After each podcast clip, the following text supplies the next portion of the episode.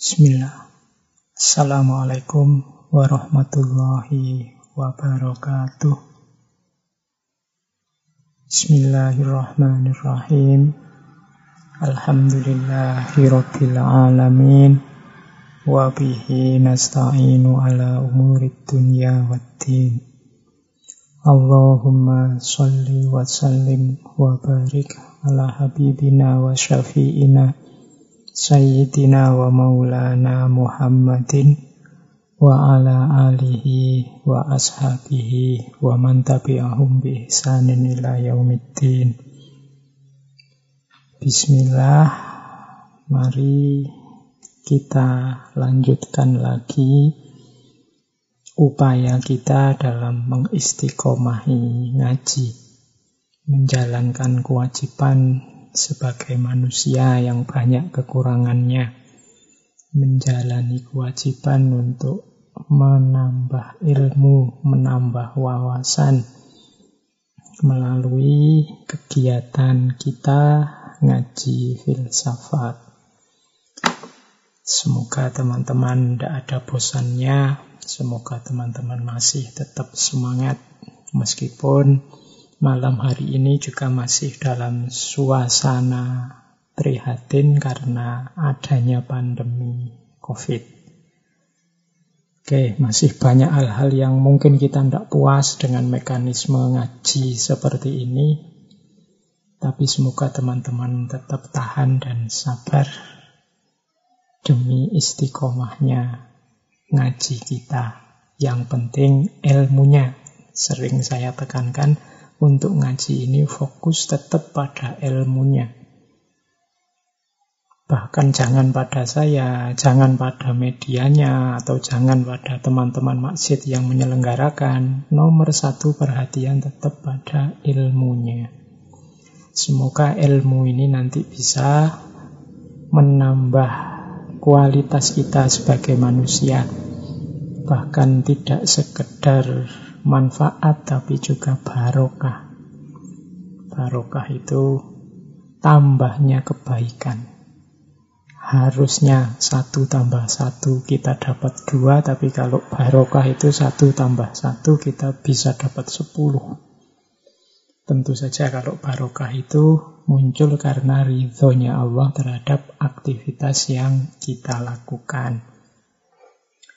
Baik, kita mulai malam hari ini kita masih ada di sesi kepemimpinan. Jadi bulan ini kita banyak membahas tokoh-tokoh dengan nasihat-nasihatnya terhadap para pemimpin.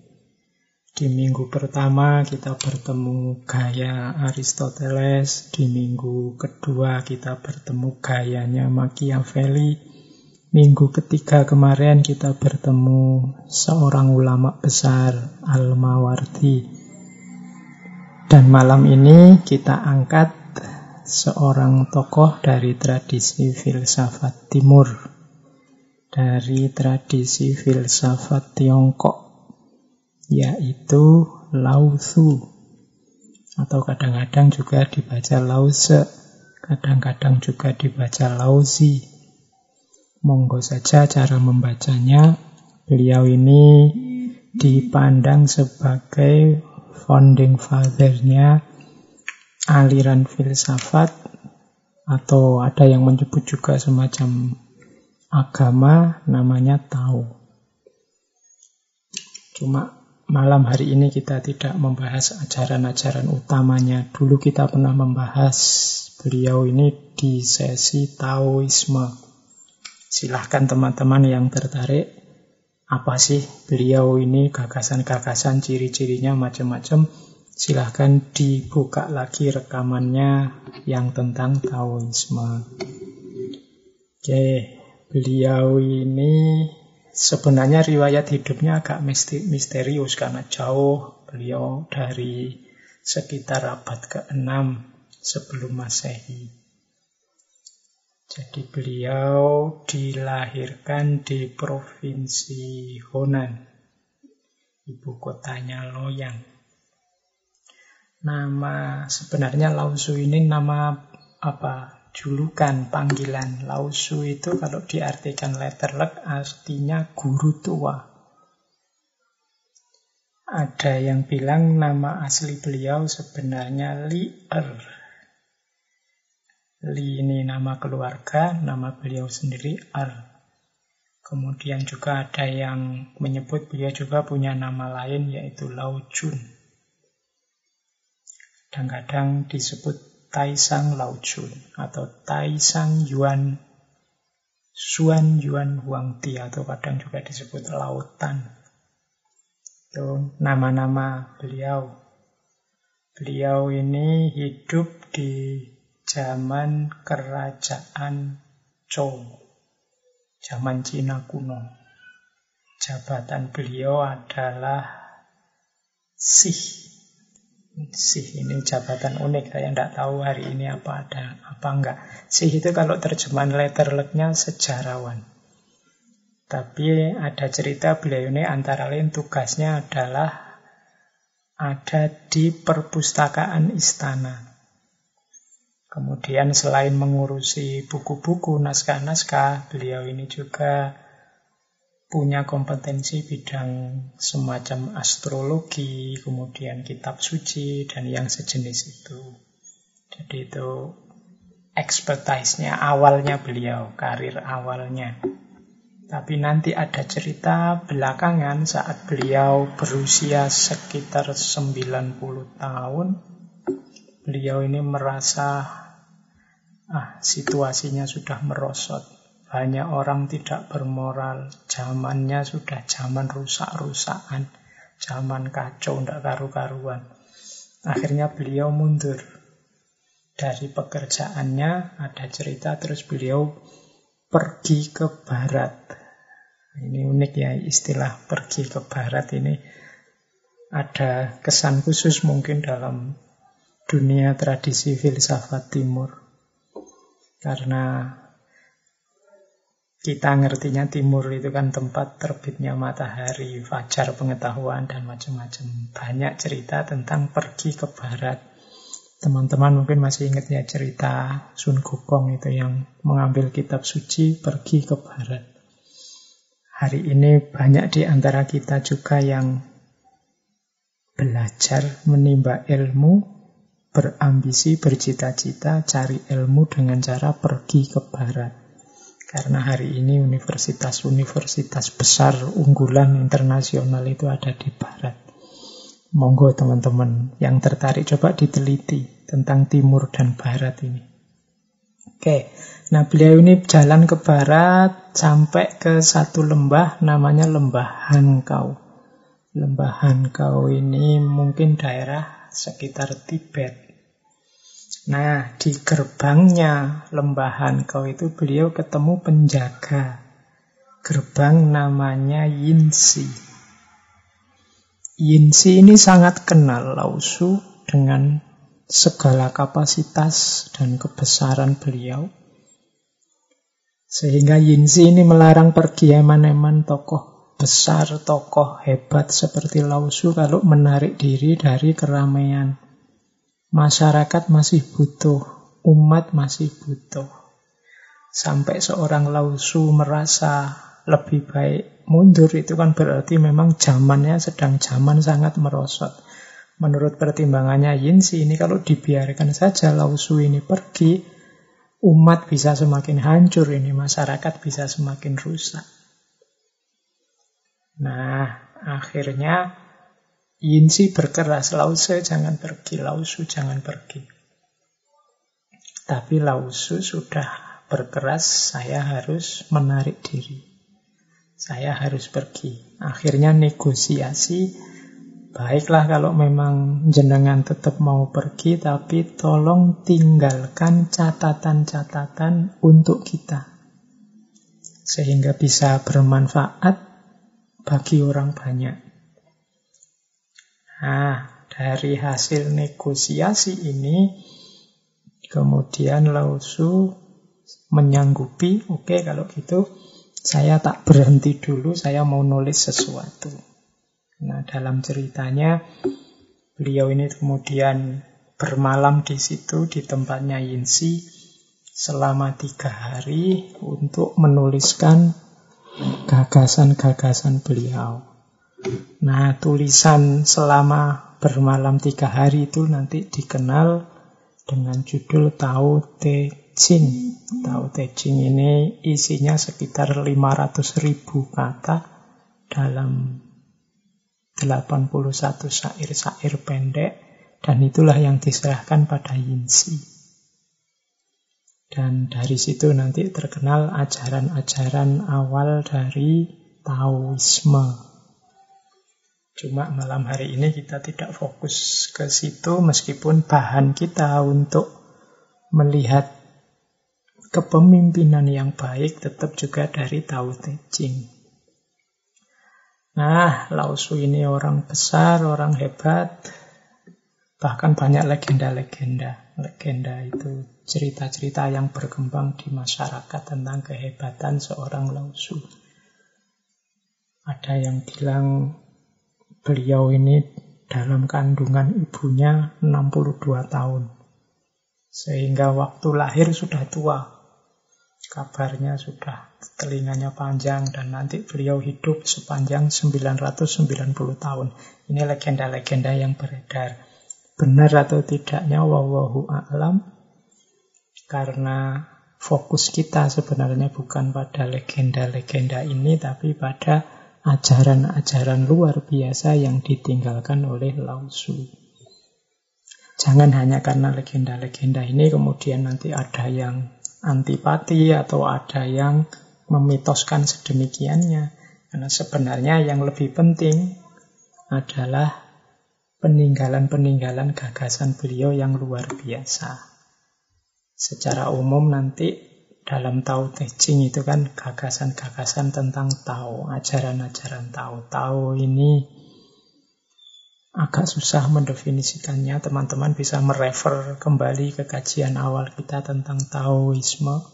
Apa hubungannya Taoisme dengan jalan alam semesta? Karena Tao sering didefinisikan sebagai jalan. Sehingga nanti ada istilah T, T itu semacam suluknya.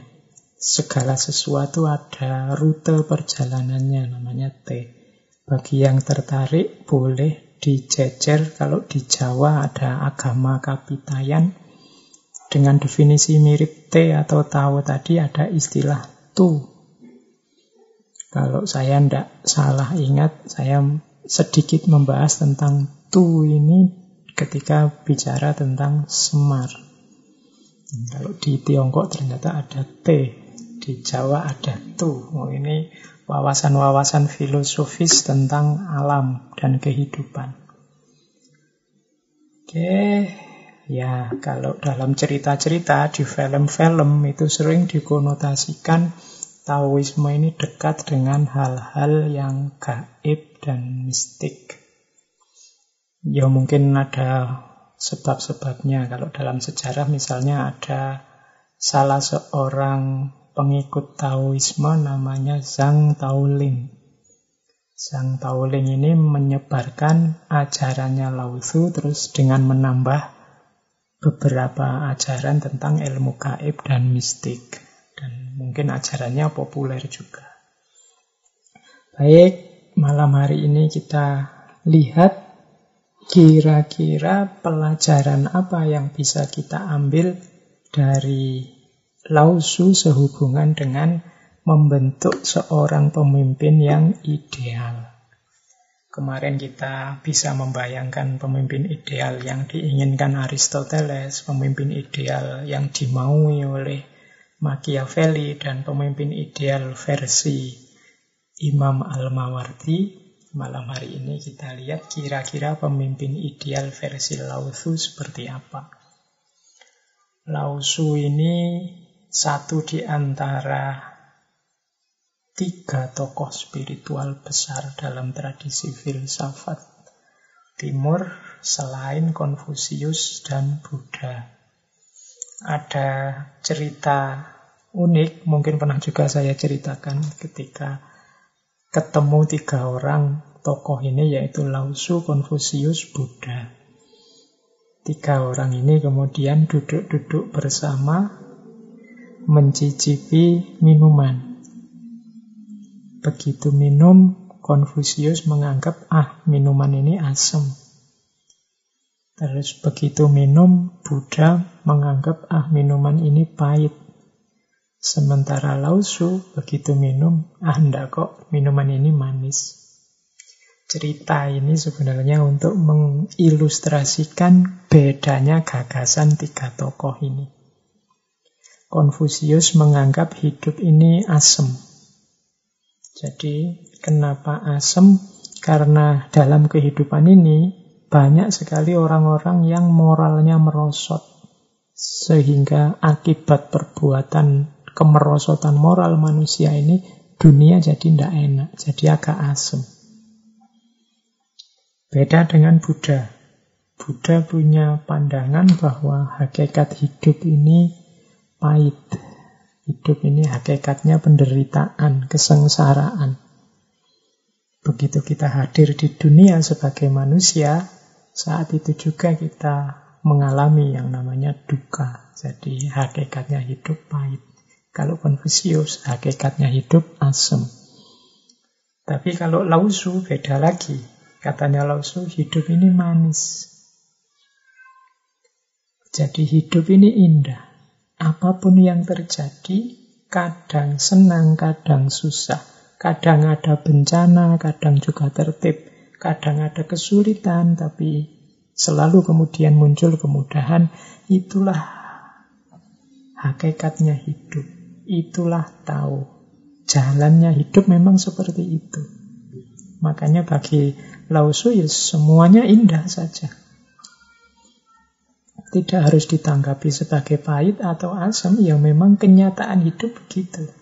Mau tidak mau kita akan mengalami itu. Dan semuanya terjadi dalam rangka harmoni alam semesta. Itu pandangannya Lausu. Oke, baik. Itu pengantar, mungkin agak terlalu panjang tentang beliau. Yang jelas detail gagasan Taoismenya bisa dicek di sesi Taoisme. Kita mulai sekarang pandangan-pandangan beliau tentang bagaimana ciri seorang pemimpin yang ideal. Oke, saya awali dari sini ya. Tentang hidup harmonis. Bagaimana manusia mengupayakan hidup yang harmonis dengan alam versinya tahu. Ini kalau saya ringkas ada tiga caranya. Yang pertama apa? Manusia itu satu-satunya makhluk yang punya daya untuk mengelola hidupnya. Meskipun hidup ini ada sunatullahnya, ada hukum alamnya. Semua di luar manusia otomatis berjalan sesuai jalur fitrahnya. Nah, manusia ini yang punya daya untuk nyeleweng, untuk taat patuh dengan hukum alam atau untuk sebaliknya. Oleh karena itu, manusia yang sadar akan hakikat hidupnya harusnya banyak mengambil waktu untuk kontemplasi. Jadi kontemplasi ini dalam rangka menyadari bahwa hidup ini sebenarnya sudah ada mekanismenya sendiri. Termasuk hidupnya manusia. Kalau bahasa kita kemarin, kita ini ada fitroh-fitrohnya. Kadang-kadang kita keluar jalur. Karena terlalu banyak mikir, terlalu banyak ngomong, terlalu banyak menganalisis macam-macam, kita merancang sendiri hidup di luar rancangan yang alami. Maka katanya Lausu, ayo sekali-sekali kontemplasi, bahkan lebih banyak kontemplasi lebih baik.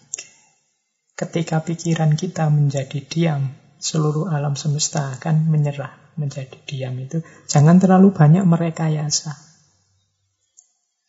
Jadi hidup secara alami. Segala sesuatu ada waktunya, ada prosesnya. Makanya ada quotes yang terkenal juga dari Lausu, alam tidak terburu-buru, namun semuanya tercapai. Jadi Apa-apa ada prosesnya. Kita kadang senang, kadang susah, kemudian kita jadi lebih bijaksana, kemudian tumbuh hubungan yang baru dengan orang lain, macam-macam peristiwa dalam hidup, yaitu semuanya ada jadwalnya sendiri. Kadang-kadang manusia yang terburu-buru, ingin cepat sukses, ingin cepat berhasil, ingin cepat diakui, ingin cepat populer, terburu-buru semacam ini, ini nanti jadi sumbernya kesulitan hidup, kesusahan hidup. Semua ada jadwalnya sendiri-sendiri. Sebagaimana kapan daun tumbuh, kapan dia gugur. Kapan bunga mekar, kapan buah berbuah, dan seterusnya. Jadi jalan untuk hidup harmonis adalah pahami jadwalnya masing-masing. Segalanya ada waktunya, ada prosesnya. Jangan terburu-buru. Alam tidak terburu-buru, namun semuanya tercapai. Air itu nanti pada akhirnya berakhir di laut, dan dia berjalan sesuai prosesnya. Tidak kesusu juga tidak melambat-lambatkan diri. Mengalir saja sesuai prosesnya. Senang, susah, kita keliru dan mencari benar lagi dan seterusnya. Semuanya ada proses, ada jadwalnya sendiri. Hari ini kita mengalami pandemi, kesulitan hidup yang agak luar biasa. Mungkin memang sudah jadwalnya sesuai proses yang kita alami selama ini. Kenapa kita panen virus hari ini? Ya mungkin proses yang kita jalani mengarahkan kita pada munculnya peristiwa pandemi ini. Mungkin kita yang tidak bersih, mungkin kita yang membuat polusi-polusi dan lain sebagainya. Ya sekarang kita rasakan efeknya semacam ini. Jadi maka orang yang bijaksana, orang yang memahami mekanisme alam. Segalanya sudah ada waktunya. Terus itu yang pertama. Yang kedua, untuk kita hidup nyaman, harmonis, selaras adalah terbuka, mengosongkan diri. Manusia itu punya ciri yang sibuk dengan pikirannya. Isi pikiran kita itu selalu penuh macam-macam. Kadang-kadang hal-hal yang tidak penting, hal-hal yang apa tidak ada gunanya juga numpuk di kepala kita. Akhirnya tidak ada space, tidak ada sisa untuk hal-hal yang penting atau yang penting malah terlewatkan. Maka penting kita mengosongkan diri. Menyingkirkan isi kepala yang tidak penting, tidak penting, yang sembrono, yang merusak, yang tidak ada gunanya, yang iseng saja. Sehingga yang penting-penting bisa masuk. Yang utama-utama bisa masuk. Katanya Lausu, kegunaannya pot berasal dari kekosongannya. Kosongkan dirimu dari segalanya dan biarkan pikiranmu menjadi tenang. Jadi untuk hidup yang harmonis kita ini harus terbuka, mau mengosongkan diri. Karena kalau pikiran kita kosong itu kan banyak hal-hal yang manfaat bisa masuk. Sementara hari ini kita terlalu sibuk dengan ambisi kita, dengan kecemasan kita, dengan macam-macam hal dalam hidup kita yang menyusahkan kita sendiri. Maka ayo itu kita kita bersihkan, kita kosongkan, Kemudian yang manfaat-manfaat kita masukkan. Kalau dalam bahasa sufi ada istilah takholli. Kalau sudah takholli, pembersihan baru takhalli. Pengisian dengan yang baik-baik. Justru sebagaimana pot, dia bermanfaat ketika kosong. Ketika diisi macam-macam sudah tidak ada gunanya lagi. Ketika dia kosong, dia bisa bermanfaat untuk banyak hal. Tapi begitu ada isinya, ya manfaatnya hanya tentang isinya itu. Pot itu kalau dia kosong, dia bisa dibikin macam-macam. Mungkin bisa dipakai naruh tanaman, bisa dikasih air untuk minum, bisa macam-macam fungsinya. Tapi begitu kita kasih tanah, iyo dia hanya berguna untuk yang berhubungan dengan tanah. Begitu kita kasih air, dia berguna hanya untuk yang berhubungan dengan air. Di luar itu tidak bisa dipakai. Maka sebagaimana pot, pikiran kita juga begitu. Begitu kita isi A, Padahal dia punya potensi A, B, C, D, E. Begitu isinya A, ya sudah. A itu selesai mengisi diri kita. Kemanfaatan hidupnya hanya seputar A saja. Maka Lausu menasehatkan ya sering-sering bersih-bersih. Dipilihi mana yang tidak penting yang ada di kepala kita. Hari ini kan kita sibuknya menghadapi gempuran yang menyerbu kepala kita lewat medsos, lewat internet, lewat macam-macam. Kadang-kadang juga tidak ada pentingnya. Ayo kita bersihkan biar ada space kosong, bahkan biar banyak space kosong. Di balik space kosong itu ada ketenangan dan ada potensi kemanfaatan yang luar biasa. Kemudian yang ketiga, hidup harmonis itu berhubungan dengan kemauan kita untuk tidak diikat oleh ego kita. Jadi katanya Lausu, ketika saya melepaskan diri saya, saya akan menjadi seperti apa yang semestinya. Jadi banyak orang merancang dirinya dengan hal-hal yang mungkin tidak semestinya, di luar kapasitasnya, tidak seharusnya dan macam-macam. Ini namanya ego. Ego itu biasanya bentuknya ideal-ideal yang kita tanam, kita patok dalam diri kita. Dan umur kita habis untuk mewujudkan ideal itu. Tanpa kita sadar sebenarnya hakikatku itu apa dan siapa. Kita menghabiskan waktu mengkhawatirkan siapa kita seharusnya Sementara kita tidak banyak memahami diri kita atau siapa kita yang sebenarnya. Ideal-ideal itu kan siapa kita yang seharusnya tadi. Kita itu selalu memarahi diri kita karena tidak seperti siapa kita yang seharusnya. Saya itu kan harusnya ini sudah lulus ini dari kuliah kok tidak lulus-lulus. Aku itu harusnya sudah punya gandengan ini, wong umurku sudah sekian kok yo masih jomblo saja. Aku ini harusnya sudah punya pekerjaan, usiaku sudah sekian. Aku ini harusnya sudah hidup kita isinya yang harusnya, harusnya, harusnya. Akhirnya kita jadi susah dan gelisah sendiri. Kita tidak menerima kenyataan diri kita yang sebenarnya. Karena kita terpaku pada ego kita yang menuntut diri kita yang seharusnya. Ini sumber kegelisahan kalau menurut Tao. Jadi lepaskanlah, katanya Lausu, ketika saya melepaskan diri saya, saya akan menjadi seperti apa saya yang semestinya. Pahami diri kita, hampir semua filosof timur, bahkan filosof barat seperti Socrates dan kawan-kawan kan selalu wanti-wanti untuk memahami diri, mengenali diri.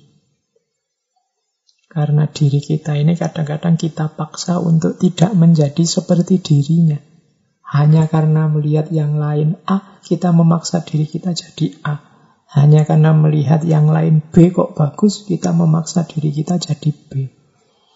Nah ini sumbernya penderitaan nantinya, sumbernya kegelisahan.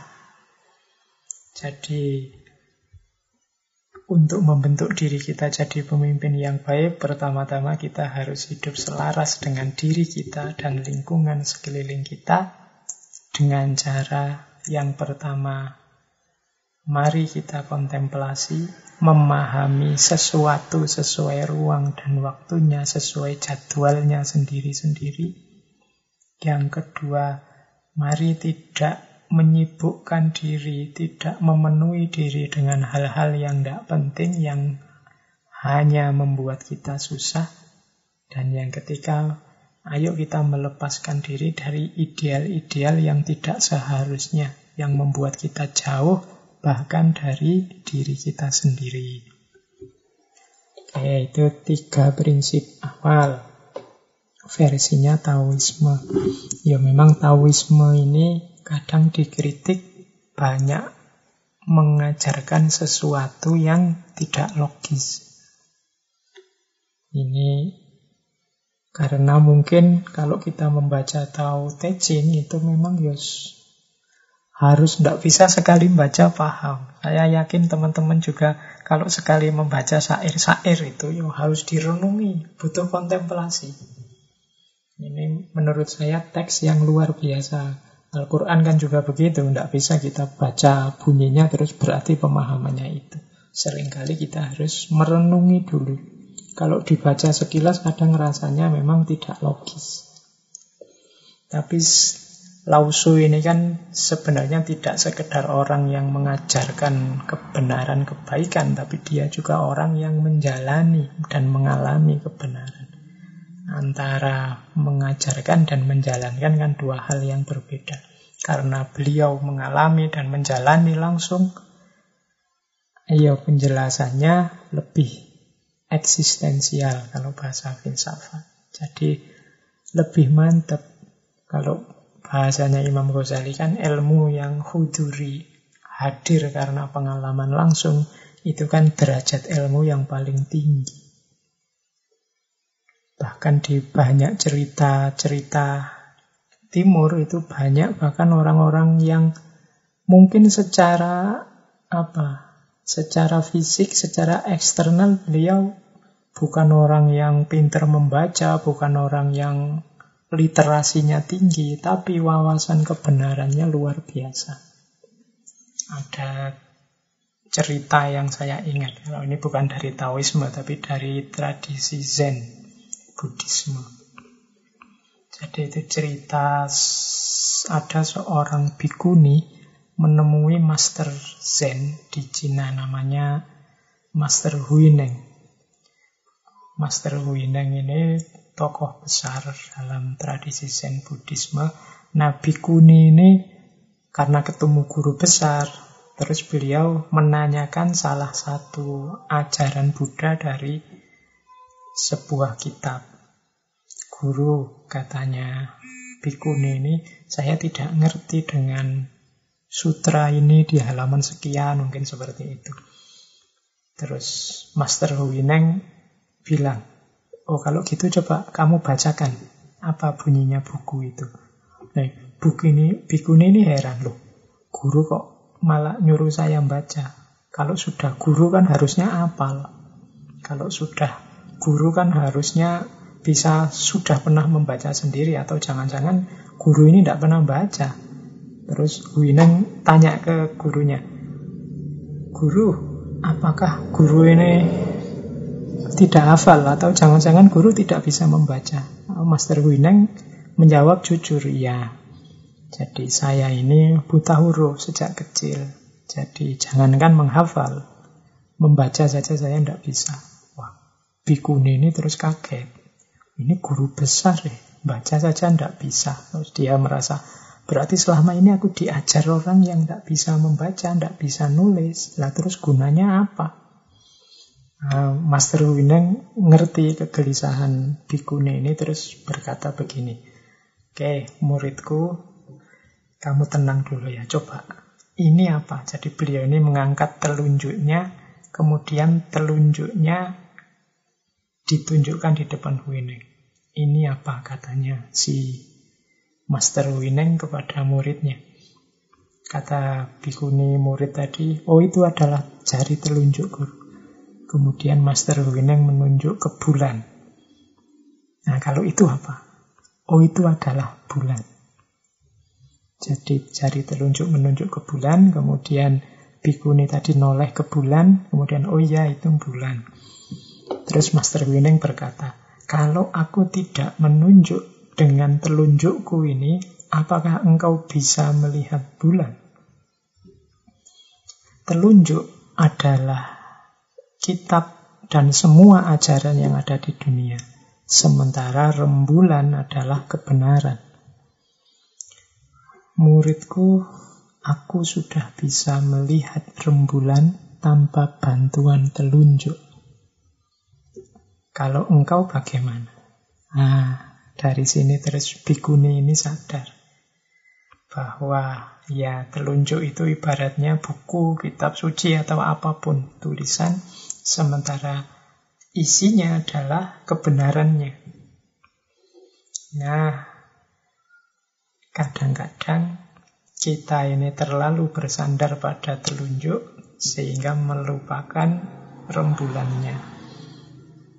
Orang-orang seperti Lausu ini orang yang bisa melihat langsung rembulan tanpa butuh ada yang menunjukkan karena mereka mengalami langsung kebenaran. Tidak sekedar ditunjukkan mana itu kebenaran. Ini nanti rahasianya hubungannya kalau kita belajar ilmu laduni.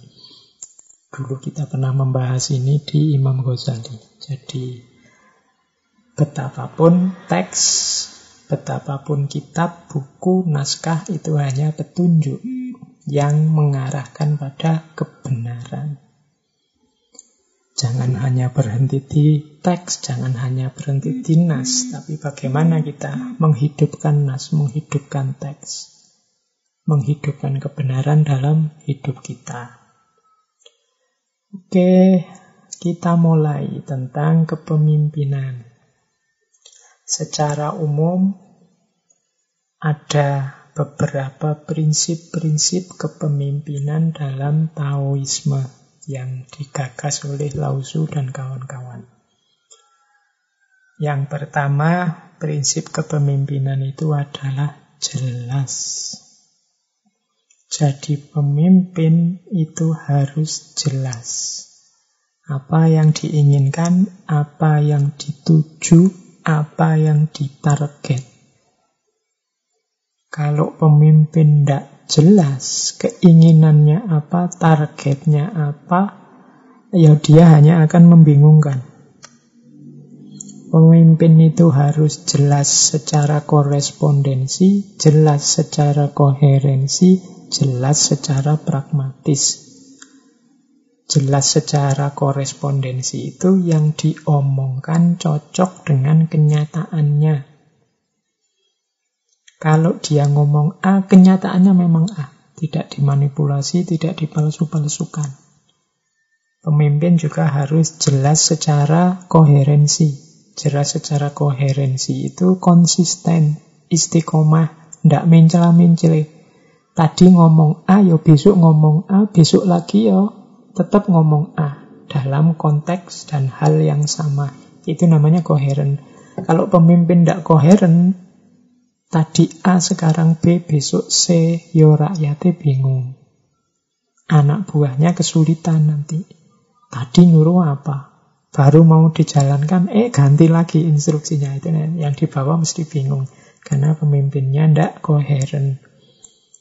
Kemudian yang ketiga, pragmatis. Pragmatis itu hasil yang diinginkan apa? Oh, saya nyuruh ini loh, hasilnya biar ini. Itu namanya jelas secara pragmatis. Nah, jadi pemimpin tahu itu yang pertama harus jelas. Tidak membingungkan orang. Apa yang dia inginkan, proses apa yang dimaksud, dan hasil apa yang dituju. Kemudian yang kedua, simple. Simple ini maksudnya kalau dia berpikir tidak bulat. To the point. Jadi tidak muter-muter dulu padahal arahnya ke situ.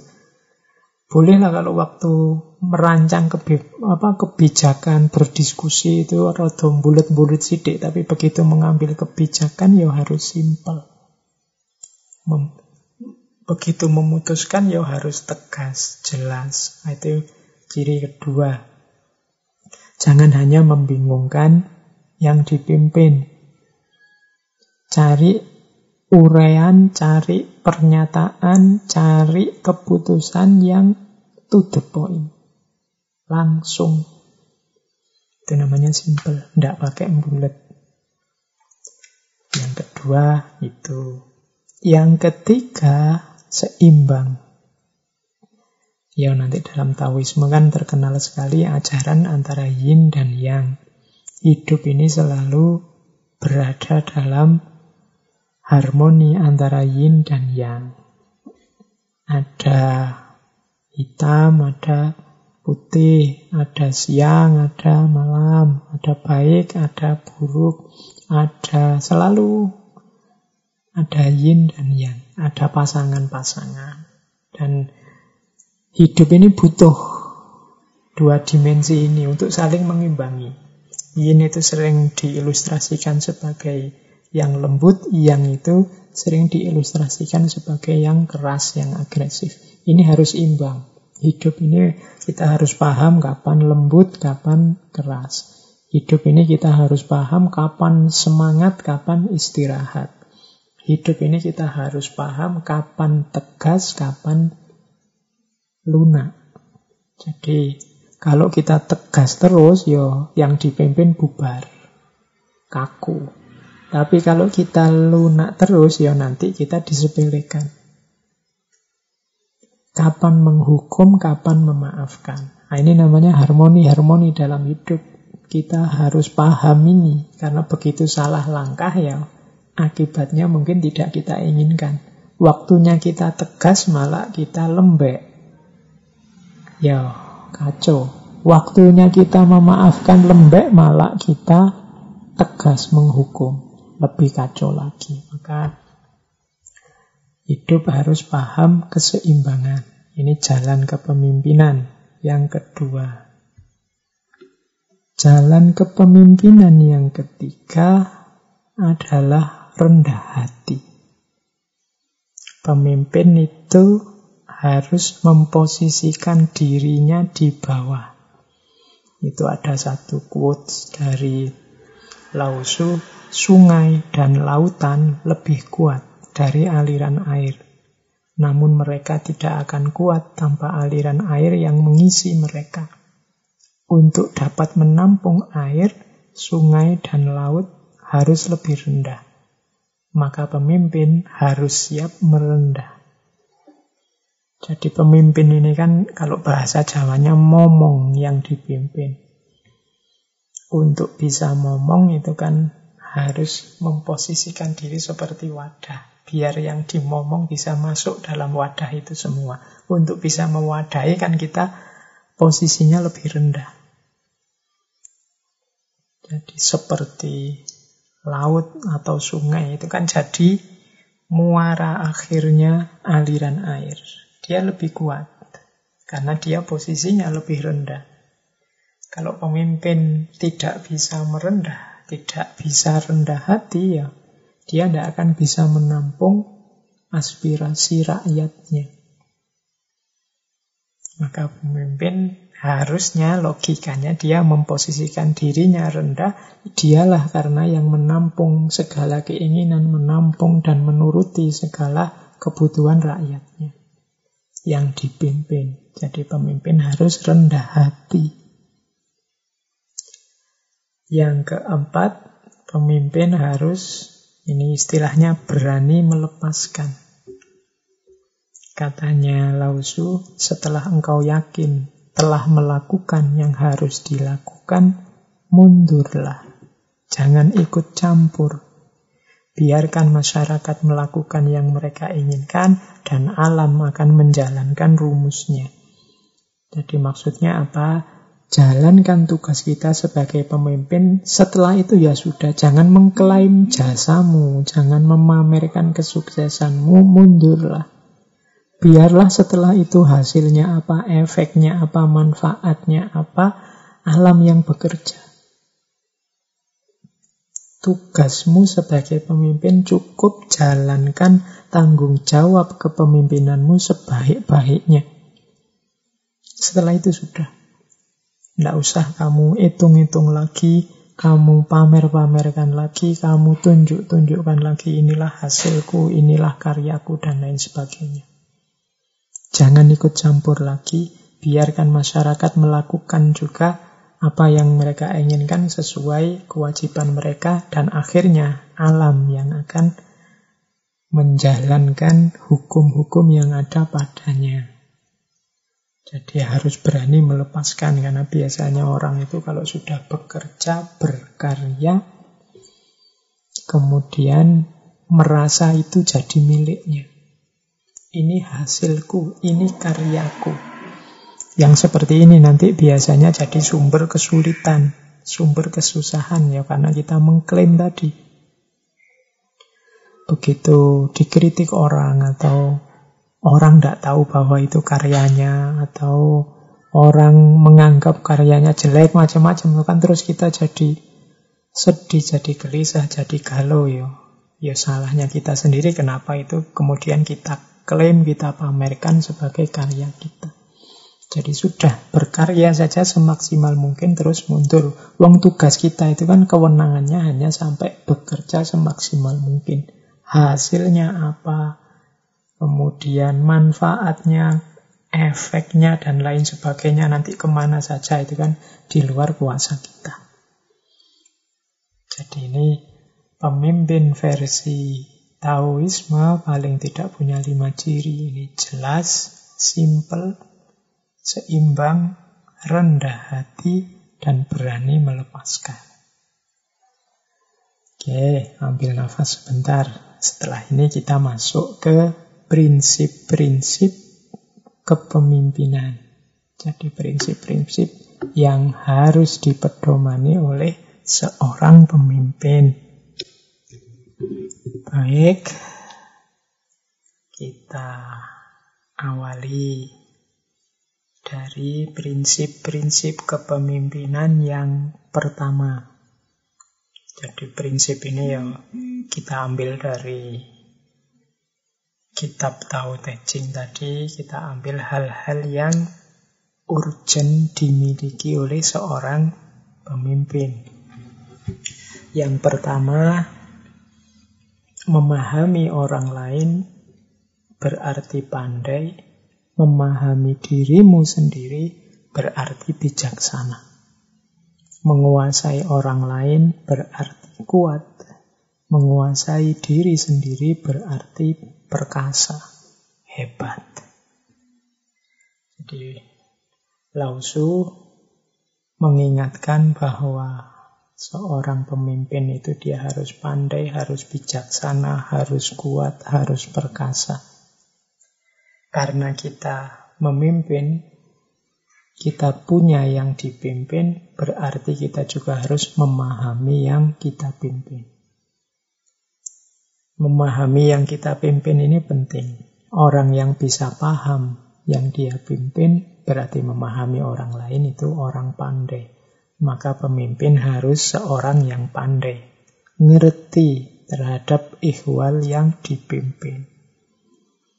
Tapi jauh lebih penting lagi memahami diri kita sendiri, sang pemimpin. Orang yang memahami dirinya sendiri adalah orang yang bijaksana.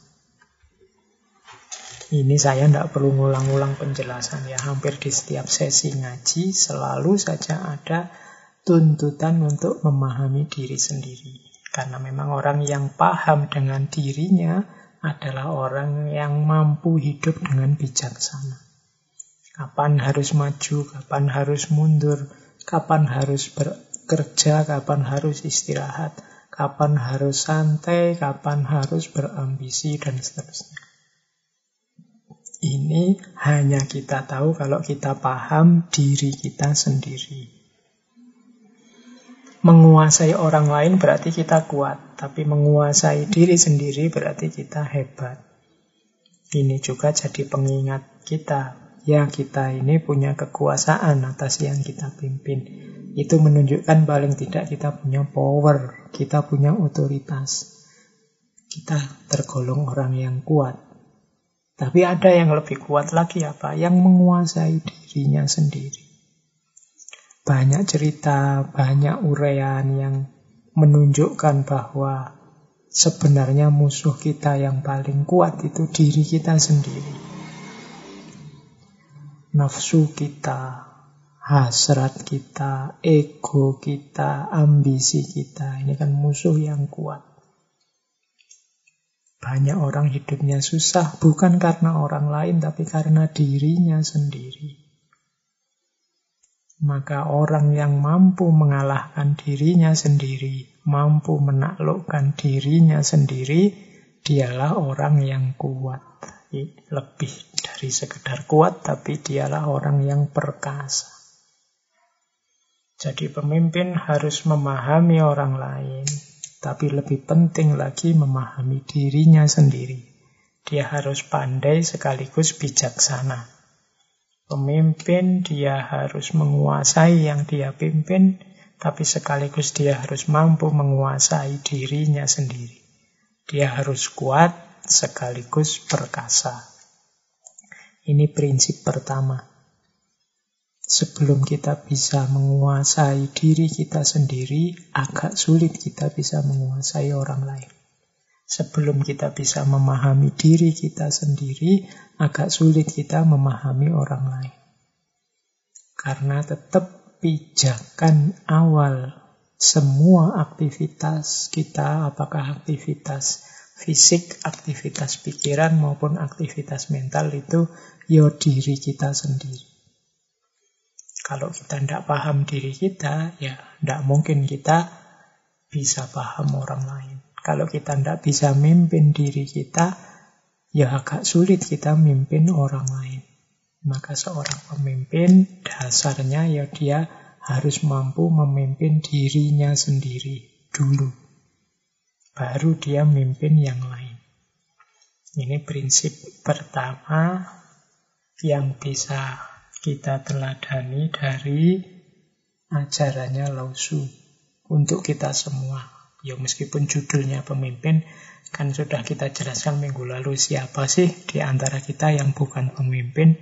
Kita semua paling tidak memimpin hidup kita di konteks hidup kita sendiri-sendiri. Jadi yang pertama itu kenali diri, kuasai diri, pimpin diri sendiri dulu. Yang benar baru mimpin yang lain. Yang kedua, perhatikan pikiranmu karena akan menjadi kata-kata. Perhatikan kata-katamu karena akan menjadi tindakan. Perhatikan tindakanmu karena akan menjadi kebiasaan. Perhatikan kebiasaanmu karena akan menjadi karakter. Dan yang terakhir, perhatikan karaktermu karena akan menjadi takdirmu. Ini pernah kita sampaikan dulu, mungkin di sesi Taoisme. Jadi ini penting buat seorang pemimpin. Ya pemimpin pastinya harus pertama-tama membereskan pikirannya. Pikirannya harus tertib, maka syaratnya pemimpin yang pertama itu pinter. Ya, untuk teman-teman ya mungkin banyak dalam hidupnya terlibat dengan dunia kepemimpinan formal maupun non formal, perhatikan syarat pertama pemimpin harus pinter. Jadi cerdas, maka perhatikan pikiran. Kalian yang memimpin juga harus latihan berpikir yang jernih, yang benar. Makanya Plato itu lebih merekomendasi raja yang filosof. Jadi pemimpin yang sekaligus ahli filsafat. Kenapa? Kalau orang ini ahli filsafat, dia bisa berpikir benar. Apa sih gunanya berpikir benar itu? Berpikir benar itu sumbernya kualitas hidup. Sumbernya segala situasi yang kita hadapi dalam hidup. Kalau menurut Lausu, perhatikan pikiranmu. Awalnya kan berarti pikiran. Kenapa? Karena pikiran akan menjadi kata-kata. Pemimpin itu kan yang mengarahkan, yang nuntun, yang dia pimpin. Diawali dari berpikir kan biasanya diungkapkan lewat kata-kata. Kalau pikirannya sudah rusak, pikirannya ndak jernih, pikirannya tendensius, ndak objektif, ya nanti akan menjelma jadi kata-kata yang mengarahkan pada ketidakjernihan, mengarahkan kepada kekacauan, mengarahkan kepada kerumitan, kesulitan hidup. Jadi jernihkan pikiranmu, perhatikan pikiranmu karena dari situ nanti akan muncul kata-kata. Kalau pikiran kita isinya jorok-jorok, ya ngomongnya tidak jauh-jauh dari itu.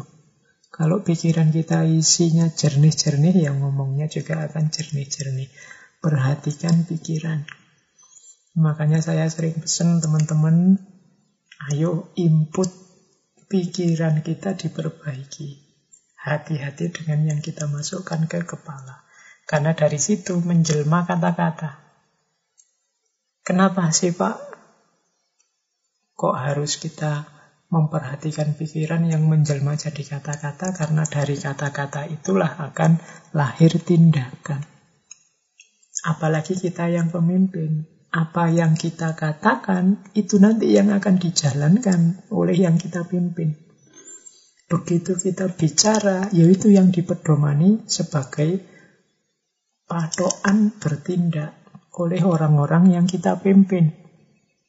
Maka perhatikan pikiranmu karena pikiran akan melahirkan kata-kata dan dari kata-kata jadi tindakan.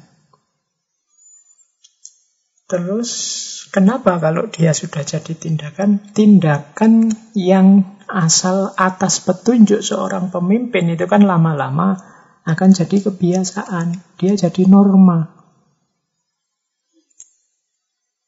Pemimpinnya menyuruh upacara tiap hari Senin, ya terjadilah nanti kebiasaan upacara. Loh kalau pemimpinnya misalnya nyuruh yang jelek, bisa dibayangkan lahir tindakan yang jelek, terus lama-lama menjadi kebiasaan yang jelek. Dari pikiran yang jelek, lahir kata-kata yang jelek, menjelma jadi tindakan yang jelek, dan lama-lama jadi kebiasaan yang jelek. Terus kenapa kalau dia jadi kebiasaan yang jelek? Loh, kebiasaan yang jelek akan melahirkan karakter yang jelek. Anak-anak kita itu kalau dibiasakan yang jelek-jelek, ya kejelekan akan jadi karakternya. Misalnya dibiasakan sudahlah sehari tidak usah mandi, itu kan kebiasaan jelek. Makan tidak usah cuci tangan. Ke mana-mana, misalnya sesuka-suka hatimu saja, tidak usah mikir. Loh, kalau dibiasakan kayak gini kan nanti karakternya juga tumbuh seperti itu. Dia akan jadi karakter, kalau bahasa agama, akhlaknya akan terbentuk begitu. Kalau tidak kita disiplinkan dengan perbuatan-perbuatan cinta kebersihan misalnya akan tumbuh watak yang anti kebersihan. Kalau tidak kita biasakan dengan hidupnya yang tertib, rapi, ya dia akan lahir karakter yang tidak tertib, tidak rapi. Jadi dari tindakan muncul kebiasaan, dari kebiasaan muncul karakter. Jadi manusia itu dia terbentuk oleh kebiasaan hidupnya. Sering saya ilustrasikan kan kalau orang itu terbiasa bohong, ya bohong itu akan jadi karakternya. Orang yang terbiasa jujur, jujur akan jadi karakternya. Kalau bahasanya hadis kan barang siapa yang jujur kemudian membiasakan jujur, ya dia nanti akan jadi orang yang berkarakter jujur atau sidik. Barang siapa yang bohong dan membiasakan bohong akan lahir karakter pembohong atau kalab. Jadi dari pikiran lahir kata-kata, dari kata-kata lahir tindakan, dari tindakan lahir kebiasaan. Kalau sudah jadi kebiasaan, dia akan jadi karakter. Dulu orang Indonesia itu terkenal ramah-ramah misalnya. Ya, kok sekarang rasanya beda Pak? Kok rasanya sekarang banyak orang kok mudah marah, sudah tidak ramah lagi. Mungkin kebiasaan kita yang berubah sehingga karakter kita berubah. Kok bisa Pak kebiasaan berubah? Ya mungkin karena yang kita lakukan sehari-hari berubah. Tindakan kita berubah. Dari mana kok tindakan kita berubah? Dari kata-kata. Mungkin kita dengar dari orang yang kita percaya, kita baca dari buku yang kita suka. Itu kan dari kata-kata. Akarnya kata-kata dari mana? Dari pikiran. Berarti ada mindset yang berubah. Jadi dari pikiran jadi kata-kata, dari kata-kata jadi tindakan, dari tindakan jadi kebiasaan, dari kebiasaan jadi karakter. Dan jangan lupa puncaknya, perhatikan karaktermu karena karakter akan menjadi takdirmu. Kalau sudah jadi karakter, ya sudah, itulah garis hidupmu karakter. Kalau engkau seorang pembohong, maka takdirmu adalah takdir seorang pembohong. Mungkin engkau tidak akan dipercaya oleh masyarakatmu, mungkin hidupmu akan kesulitan A, kesulitan B, kesulitan C karena karakter pembohongmu tadi. Itu karakter. Kalau engkau orang jujur, mungkin engkau menemukan takdir dipercaya orang, disukai orang, dicintai orang. Sehingga engkau diangkat jadi pemimpin, sehingga orang minta petunjuk padamu. Nah, itu takdirmu. Dari mana takdir ini kamu dapat? Dari karaktermu sebagai seorang yang jujur. Kalau engkau orangnya rajin, siap-siap menerima takdirmu, mungkin kamu jadi orang sukses, mungkin kamu jadi orang tertib, mungkin kamu jadi orang yang sehat misalnya. Dari mana itu muncul? Karena karakter kita. Jadi wahai pemimpin, ingat-ingatlah, perhatikan pikiranmu, karena dari pikiran akan menjadi kata-kata. Perhatikan kata-kata karena dari kata-kata akan lahir tindakan. Perhatikan tindakanmu karena itu akan menjadi kebiasaan. Perhatikan kebiasaanmu karena dia akan jadi karakter. Dan yang terakhir, perhatikan karaktermu karena itulah nanti takdir yang engkau alami. Maka hari ini kita mengalami apa pun, kok rasanya ndak enak, ndak enak ya hidup kita, kok rasanya serba sulit, kok tambah berat hidup kita bersama ini, coba kita cek karakter apa yang kita kembangkan. Dari mana karakter itu lahir? Dari tindakan kita yang mana saja. Kemudian, kok bisa saya melakukan tindakan itu? Coba kita cek kata-kata yang mana yang mempengaruhi tindakan. Dari kitab suci kah? Dari pendapatnya tokoh ini, tokoh itu kah? Dari siapa?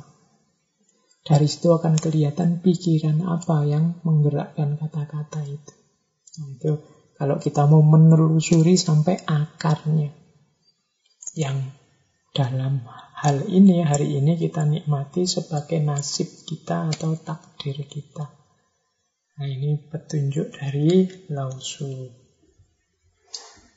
Terus seorang pemimpin selanjutnya yang kedua. Perjalanan ratusan mil dimulai dari satu langkah kecil. Seorang pemimpin harus berani memulai, berani menginisiasi. Kadang-kadang kita entah di level kepemimpinan yang mana sering tidak berani melakukan apa-apa, hanya melanjutkan saja yang kemarin-kemarin sudah. Isinya mempertimbangkan, mempertimbangkan, terus mikir, terus tidak berani melangkah-melangkah. Kalau kita tidak melangkah-melangkah, ya jangan mengharap hasil yang jauh, hasil yang besar. Karena perjalanan ratusan mil dimulai dari satu langkah kecil mengatasi virus hari ini misalnya. Loh itu ya kita harus berani melangkah dari awal. Ya kita mimpinya kan segera virus ini selesai. Tapi kan kita harus punya rancangan apa yang kita lakukan selangkah demi selangkah sehingga sampai di titik virus ini beres. Kita selalu mimpi tiba-tiba beres, bulan depan beres, awal tahun depan beres. Loh, kita punya rancangannya enggak? Sampai awal tahun depan itu apa saja yang akan kita lakukan? Dan kita sudah melangkah apa belum? Karena perjalanan ratusan mil dimulai dari satu langkah kecil. Oke, kita sudah punya rencana sampai 3-4 tahun ke depan.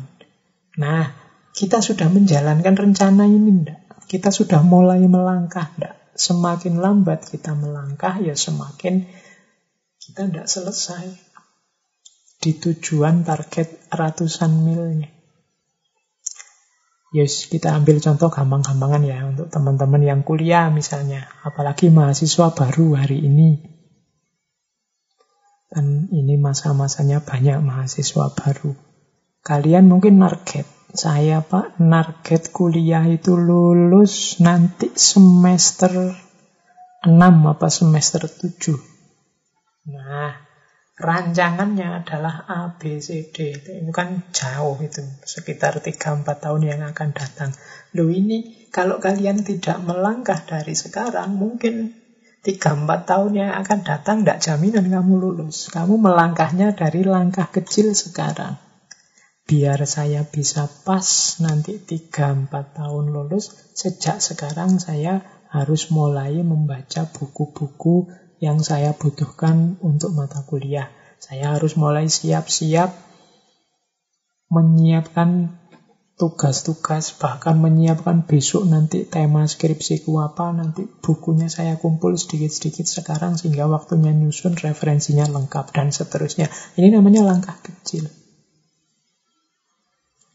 Perjalanan ratusan mil dimulai dari satu langkah kecil. Kalau kita tidak mau melangkah di awal, mungkin karena sibuk mempertimbangkan macam-macam, nanti sulit ini, sulit itu, tidak melangkah-melangkah, ya perjalanannya tidak dimulai-mulai. Kalau perjalanannya tidak dimulai-mulai, jangan mimpi targetnya tercapai. Maka pemimpin harus berani mulai. Meskipun diawali dari langkah-langkah kecil, asal dijalankan secara istiqomah konsisten, selangkah demi selangkah, ya lama-lama nyampe.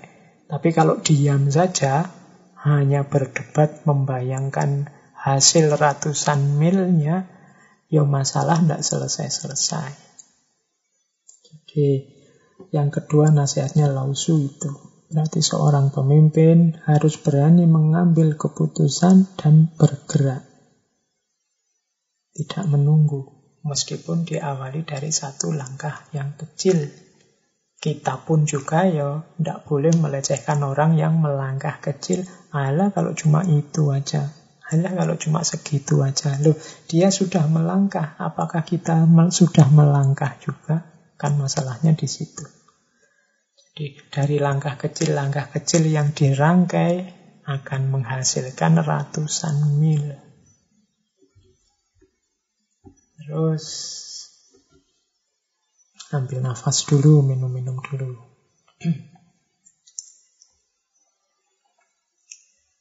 Yuk, nasihat selanjutnya untuk seorang pemimpin adalah kalau engkau Depresi berarti engkau hidup di masa lalu. Kalau engkau cemas, berarti engkau hidup di masa depan. Kalau engkau merasa tenang, damai, engkau hidup di masa kini. Nah ini peringatan dari Lausu. Kadang-kadang kita mimpin itu ya mengalami stres-stres dan depresinya sendiri. Biasanya depresi itu karena yang sudah terjadi. Aduh, kemarin kok begini ya, kemarin kok begitu ya. Apa yang kemarin aku lakukan? Aku kok keliru, keliru ini, keliru itu. Itu namanya depresi. Depresi itu karena masa lalu. Padahal masa lalu sudah lewat. Tidak mungkin kita melakukan perjalanan waktu ke belakang. Ya kalau film. Kalau hidup nyata kan tidak bisa. Yang sudah terjadi ya sudah. Kita mikir perbaikannya hari ini. Jangan diingat-ingat, dibayangkan terus. Itu nanti sumbernya depresi. Diterima saja, diakui saja bahwa kemarin salah, sekarang saatnya perbaikan. Biar tidak depresi. Berarti apa? Sekarang yang dipikir. Kemudian kalau engkau cemas, berarti engkau hidup di masa depan. Nah, kalau ini lawannya depresi tadi membayangkan nanti besok masa depan terus kita cemas. Waduh ini kira-kira tiga bulan lagi kalau virus ini tidak selesai-selesai. Wah bisa kolaps kita. Loh ini kan khawatir kita di masa depan. Ada yang wah tahun depan kalau masih nggak selesai ada yang bulan depan kalau nggak selesai. Selalu kita mikir yang depan-depan. Padahal kalau hari ini yang sekarang tidak beres, tidak nunggu besok, tidak nunggu bulan depan, kita bisa hancur hari ini. Maka menurut petunjuknya Lausu, pikirkan hari ini, terima situasi hari ini. Kalau engkau merasa tenang, damai, ya engkau hidup di masa kini. Jadi jangan terjebak oleh masa lalu, jangan tertipu oleh ramalan masa depan terimalah hidup di masa kini. Jadi ini nasihat untuk para pemimpin karena kita itu sering sekali punya ketakutan yang tidak perlu dan punya depresi, punya stres yang juga tidak perlu. Kita tidak terima masa lalu dan kita menggelisahkan masa depan. Hiduplah di hari ini saja, sekarang saja. Oke, kita lanjutkan. Ini prinsip keempat. Jadi pemimpin harus concern dengan hari ini. Kita membayang-bayangkan tahun depan, tiga tahun lagi, sepuluh tahun lagi, besok 2030, 2040 sekian Indonesia hancur atau Indonesia justru jaya itu kan bisa ya, bisa enggak. Yang penting hari ini. Kalau hari ini hidup kita garap dengan baik, kita sikapi dengan tepat, ya insya Allah masa depan penuh harapan. Kemudian yang kelima, prinsip kelima dari Lausu ini mirip dengan sebelumnya, tapi tentang masa lalu. Masa lalu tidak punya kekuatan untuk menghentikan keberadaanmu saat ini. Hanya keluhanmu yang dapat membuat masa lalu melakukan itu. Apakah keluhan itu? Beban pikiran dan emosi lama. Jadi ini Lausu mengingatkan kita, kadang-kadang memang masa lalu itu berat sekali untuk kita lepaskan. Apakah itu urusan kemarin mau kuliah di mana ndak masuk? Ataukah itu urusan kemarin bimbingan tesis ndak selesai-selesai? Sehingga ndak lulus-lulus sementara temanmu sudah lulus semua? Ataukah masalah jodoh? Menyesal sekali kemarin aku ndak gerak-gerak, sekarang sudah diambil teman, sudah nikah. Aku ndak dapat apa-apa. Itu kan beban masa lalu. Terus di hari ini kita merasa hampa, merasa bukan apa-apa, bukan siapa-siapa karena kegagalan di masa lalu. Katanya Lausulo, masa lalu itu tidak punya kekuatan untuk menghentikanmu, untuk mengalahkan. Yang membuat engkau berhenti, membuat engkau kalah itu kan keluhanmu, kecengengan. Jadi engkau cengeng menghadapi masa lalu, engkau selalu mengeluh saja tentang masa lalu. Apa sih mengeluh itu? Ya beban pikiran dan emosi yang lama engkau hidup-hidupkan terus. Sehingga, apa kalau bahasanya Butejo, kamu tidak solutif. Hidupmu hanya ngomong tentang masa lalu, mengeluhkan kegagalan yang kemarin-kemarin. Jadi, ya contohnya gampang, misalnya hari ini masih banyak orang yang coba kemarin, coba kemarin, Coba kemarin awal corona itu, tidak begini, tidak begitu. Sekarang kita lebih baik. Coba kemarin kita, itu kan beban pikiran dan emosi lama yang kita hidupkan terus sampai hari ini. Ya, meskipun semarah apa pun, semengeluh apa pun kita kan tidak bisa diulang. Kemarin sudah terlanjur begitu. Ayo kita pikir hari ini yang bisa kita lakukan yang terbaik apa. Ya hidup ini memang ya kadang tidak cocok dengan keinginan kita, kadang tidak cocok dengan ambisi, dengan target-target kita. Tapi kan bukan berarti terus kita terpaku di situ terus. Kalau katanya Ki Ageng Surya Mentaram, keinginan itu kan biasanya mulur dan mungkret, berkembang dan menyusut. Kalau keinginan tercapai, dia berkembang, nambah keinginan lagi. Kalau keinginannya tidak tercapai, terus dia menyusut. Kalau hari ini, kalau dulu mungkin kita targetnya semoga daganganku ini bisa laku satu bulan, laku sekian. Nah, cuma gara-gara virus corona ini akhirnya kan situasi berubah. Itu kan nanti terus mungkret-mungkret itu ya kemarin saya target satu bulan laku 100, sekarang ya saya targetnya laku 50 aja sudah bagus. Nah, itu menghadapi situasi biasanya begitu mungkret. Tapi kalau yang 100-nya tercapai, wah berarti bulan depan saya targetnya 150 lah. Itu namanya mulur, mengembang. Nah, orang yang mengeluh ini orang yang tidak luas menghadapi kehidupan. Dia terpaku di satu titik saja. Sehingga tidak berkembang hidupnya. Kalau ada pemimpin yang seperti ini, dia akan sangat menyusahkan yang dia pimpin. Pemimpin yang selalu mengeluh. Wah, kemarin itu salah ternyata. Yang dulu itu ternyata kita, oh kalau dia mengeluh terus, ya kalau yang mimpin aja mengeluh, apalagi yang dipimpin, apa tidak tambah bingung. Jadi menurut Lausu, ndak-ndak. Masa lalu itu ndak punya kekuatan untuk menghentikanmu. Engkau sendiri sebenarnya yang membuat hidup ini seakan-akan terhenti di masa lalu. Dengan cara engkau selalu mengeluh. Engkau selalu terbebani oleh pikiranmu dan emosi lamamu. Hidup ini yang memang selalu ada kesulitan, selalu ada beban, selalu ada emosi-emosi lama yang tidak kita inginkan. Tapi kita harus punya kekuatan melepaskan. Kalau kita tidak punya itu, melepaskan itu kadang diterjemah mengikhlaskan, kadang dipahami sebagai tidak terikat. Karena kalau kita tidak memiliki ini, pasti hidup kita berat sekali.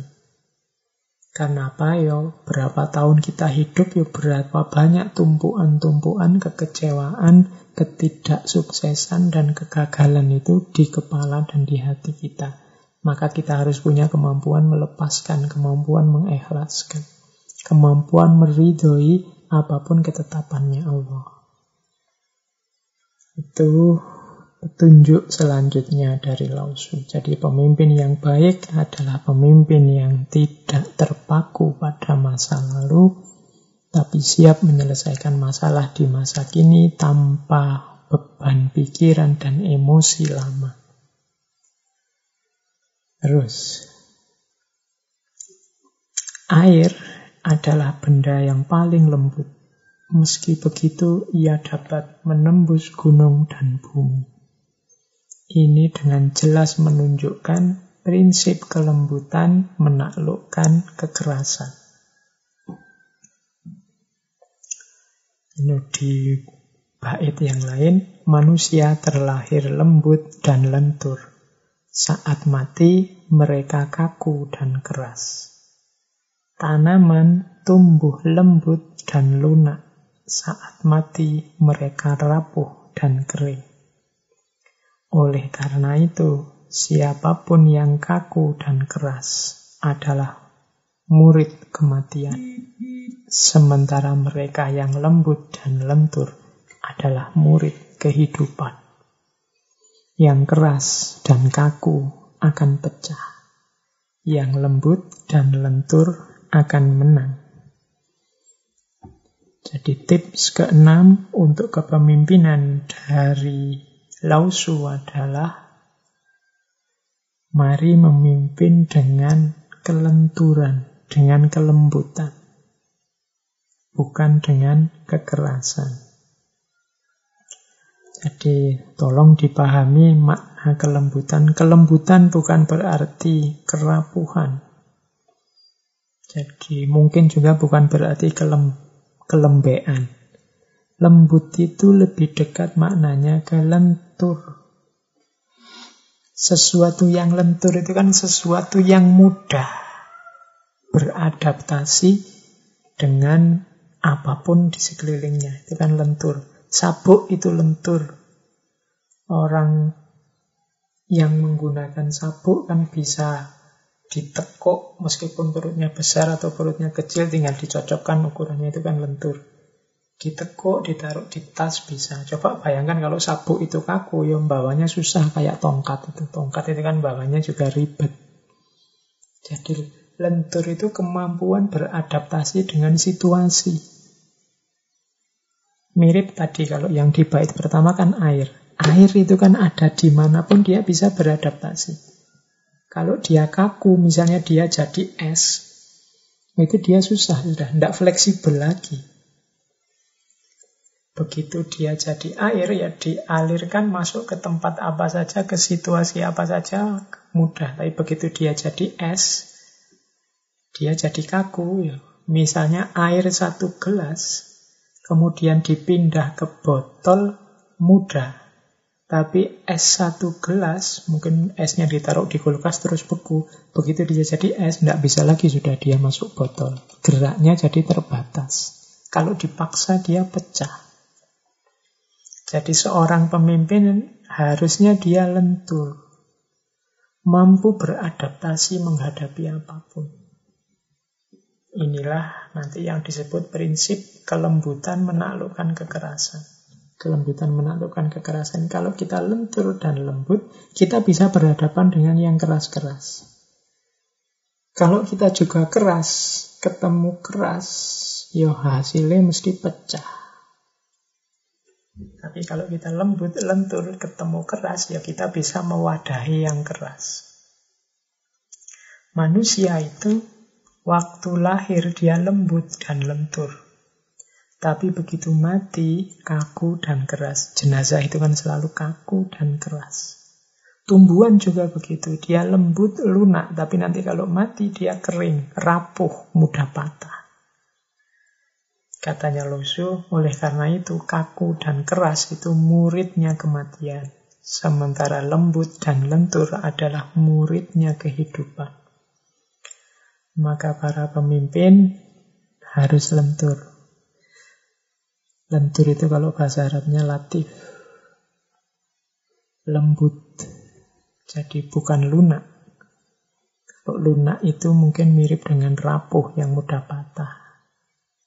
Kalau Al-Quran itu di juz 15, titik paling tengah, kalau di Al-Quran zaman dulu biasanya diwarnai dengan warna merah itu ada kata falyatalattof. Falyatalattof itu satu akar kata dengan latif tadi. Maka lenturlah, maka lemah lembutlah, jangan kaku. Karakternya Islam itu ya mungkin mirip seperti kata-kata di tengah Al-Quran tadi faliyatalattof. Berlembut-lembutlah. Dengan itu nanti Islam bisa jadi rahmatan lil alamin. Rahmat bagi alam semesta. Kalau kita keras, gerak kita terbatas dan kemungkinan berhadapan dengan kekerasan yang lain akan terjadi pecah konflik. Ini juga jadi pedoman kita kalau berhadapan dengan yang keras-keras. Hati-hati karena kalau kita juga keras, hasilnya bisa patah, bisa pecah, bisa rusak kita semua. Pemimpin harus mampu mengendalikan ini. Jadi itu prinsip yang keenam. Prinsip yang ketujuh, tidak ada kutukan yang lebih besar daripada merasa kurang puas, tidak ada dosa yang lebih besar daripada selalu ingin memiliki.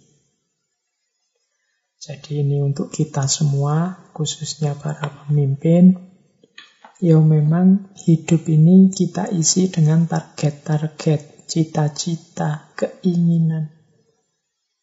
Tugas kita di hadapan target dan cita-cita serta keinginan, mungkin kalau organisasi visi misi, itu ya mengupayakan semaksimal mungkin sesuai kapasitas kita biar terpenuhi. Urusan hasilnya ya banyak faktor, termasuk ridho dan izinnya Tuhan dan izinnya Allah apa pun yang nanti jadi buahnya, kita harus siap menerima. Kalau tidak, pasti kita akan ketemu dengan sikap ini, namanya kurang puas. Kalau kita meladeni kekurang puasan ini terus-menerus, maka hidup kita akan sangat lelah, sangat capek. Kalau tidak percaya, ya silahkan dibaca mungkin sejarah para pemimpin itu, para pemimpin tertentu lah. Coba dicari yang kisah-kisah mereka yang betapa capeknya mereka itu. Napoleon kah, Hitler kah, ya kan? Kurang apa capaian mereka, tapi masih kurang puas terus, masih ingin memiliki terus. Sudah punya ini, ingin itu. Sudah hasil ini, masih kurang puas terus. Ya sudah, kalau kita punya mental kayak gini, ya pada akhirnya kita sedang membunuh diri kita sendiri. Kalau bahasanya lausu, tidak ada kutuan yang lebih besar daripada kurang puas dan tidak ada dosa yang lebih besar daripada selalu ingin memiliki. Ini membuat capek kita sebagai pemimpin dan juga orang-orang yang kita pimpin. Wong ini sudah dituruti, ada lagi, nambah itu lagi, nambah itu lagi. Pemimpin yang tidak puas terus, ya lama-lama dia akan menyusahkan yang dia pimpin dan menyusahkan dirinya sendiri. Jadi harus punya titik istirahat, titik syukur, titik ridho. Kalau tidak hasilnya capek. Biasanya kalau sudah capek pikirannya tidak jernih. Terus nabrak kiri, nabrak kanan, terus blunder. Mirip kayak sepak bola itu kan. Kalau sudah capek, wis pokoknya dibilangin apa saja, teori-teori main sepak bola apa saja sudah tidak peduli lagi. Wis wong sudah capek. Rencananya nendang ke kanan, yo ya beloknya ke kiri, wo yo ya memang sudah capek. Nah, jangan sampai institusi lembaga kita mengalami kelelahan. Kenapa lelah? Karena tidak punya rasa syukur, isinya kurang puas, terus ingin memiliki terus. Dan ini seperti kutuan. Tidak ada kutuan yang lebih besar daripada merasa kurang puas. Ayo mengenali titik kapan kita berhenti. Kapan kita bersyukur.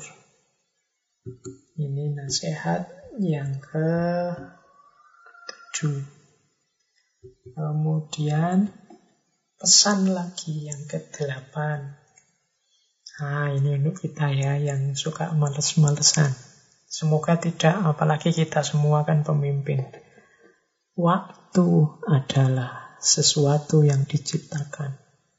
Maka berkata, aku tidak punya waktu, itu sama dengan berkata, aku tidak ingin. Jadi orang itu sebenarnya alasan tidak punya waktu itu tidak masuk akal.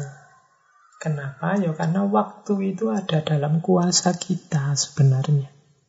Mau kita gunakan untuk apa, ya kan terserah kita. Jadi kalau ada orang, mas, jalan-jalan yuk, wah saya sibuk, tidak punya waktu. Itu sebenarnya nama lain dari mau aku, aku tidak mau jalan-jalan. Karena kalau dia mau, pasti ada waktu. Wong waktu itu kita ciptakan. Oke, saya mau besok pagi ya. Wong kita yang milih waktu kita gunakan untuk apa. Jadi katanya Lau Sunda, waktu itu sesuatu yang diciptakan. Wah ini sebagai mahasiswa ya harusnya kita itu paling tidak satu semester sekali punya lah tulisan-tulisan sebagai wujud bahwa kita belajar. Saya itu ya mau seperti itu, tapi waktunya yang tidak ada saya itu. Itu sebenarnya nama lain dari aku tidak ingin dan aku tidak mau. Kalau dia mau, pasti selalu ada waktu. Iya pak, Mau Pak, tapi kan saya itu kerja Pak, kerja dari pagi sampai malam. Jadi ya, ya berarti kamu lebih milih kerja. Kamu lebih menginginkan kerja dan tidak ingin menulis. Kan itu sebenarnya. Jadi tidak ada waktu itu tidak ada. Yang ada tidak ingin. Saya kan dari pagi sibuk ini, sibuk itu Pak. Jadi waktu untuk nulisnya tidak ada. Ya, berarti kan kamu lebih mendahulukan ingin ini dan ingin itu tadi. Sementara kamu tidak ingin nulis, maka untuk menulis kamu tidak memberi waktu. Oke, pemimpin juga begitu. Jangan beralasan waktu. Kalau memang itu baik, harus kamu inginkan. Begitu engkau inginkan, waktunya pasti ada. Kalau tidak kamu beri waktu, berarti ya itu kamu anggap tidak penting. Kalau kamu anggap penting, pasti engkau carikan waktu. Rumus sederhananya cuma itu. Oke, kita lanjutkan. Nah, ini lebih unik lagi quotes ini dari Lausu untuk para pemimpin. Termasuk kita semua. Tidak melakukan apa-apa itu lebih baik dibandingkan sibuk tidak melakukan apa-apa. Ini harus dipikir agak dalam ini. Jadi kita ini tergolong orang yang tidak melakukan apa-apa atau sibuk tidak melakukan apa-apa. Kesibukanmu apa hari ini? Wah, aku hari ini sibuk mencari kesibukan. Itu sama dengan sibuk tidak melakukan apa-apa. Aku sibuk tidak sibuk. Hmm, sibuk tidak melakukan apa-apa. Jadi maksudnya begini. Hari ini saya tidak melakukan apa-apa, Pak. Sejak pagi sampai sore, rebahan aja nonton TV. Nah, itu kan jelas. Tapi kalau hari ini Pak, saya itu yo bersih-bersih, ya macam-macam dan pokoknya aktivitasnya banyak. Lah terus hasilnya apa, manfaatnya apa? Tidak tahu Pak, kelihatannya ya itu tadi cuma iseng aja kok kesibukan saya. Nah, itu jenis sibuk tidak melakukan apa-apa. Jadi rasanya sibuk tapi tidak melakukan apa-apa. Itu mirip dengan orang yang rasanya waktunya sudah penuh untuk macam-macam. Padahal ya tidak. Dia sendiri. Ada orang itu kalau bicara tentang waktu melebih-lebihkan. Saya kalau sholat malam itu biasanya 1-2 jam. Padahal cuma 10-20 menit. Ini kan melebih-lebihkan. Seolah-olah sibuk. Saya kalau belajar itu paling ya dua jam lah pak, dua tiga jam. Padahal setengah jam buka laptop, baca buku, sudah tidur.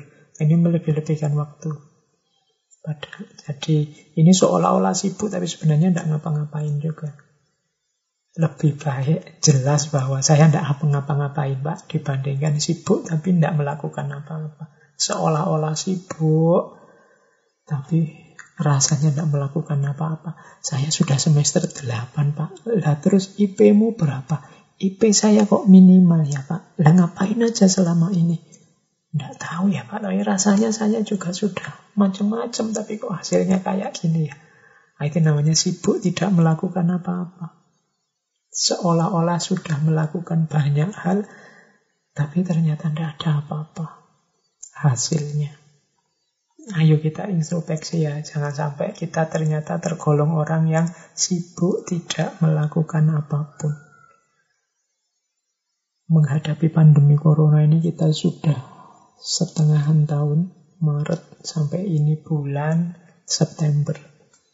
Kira-kira sudah ada hasil apa yang kita peroleh?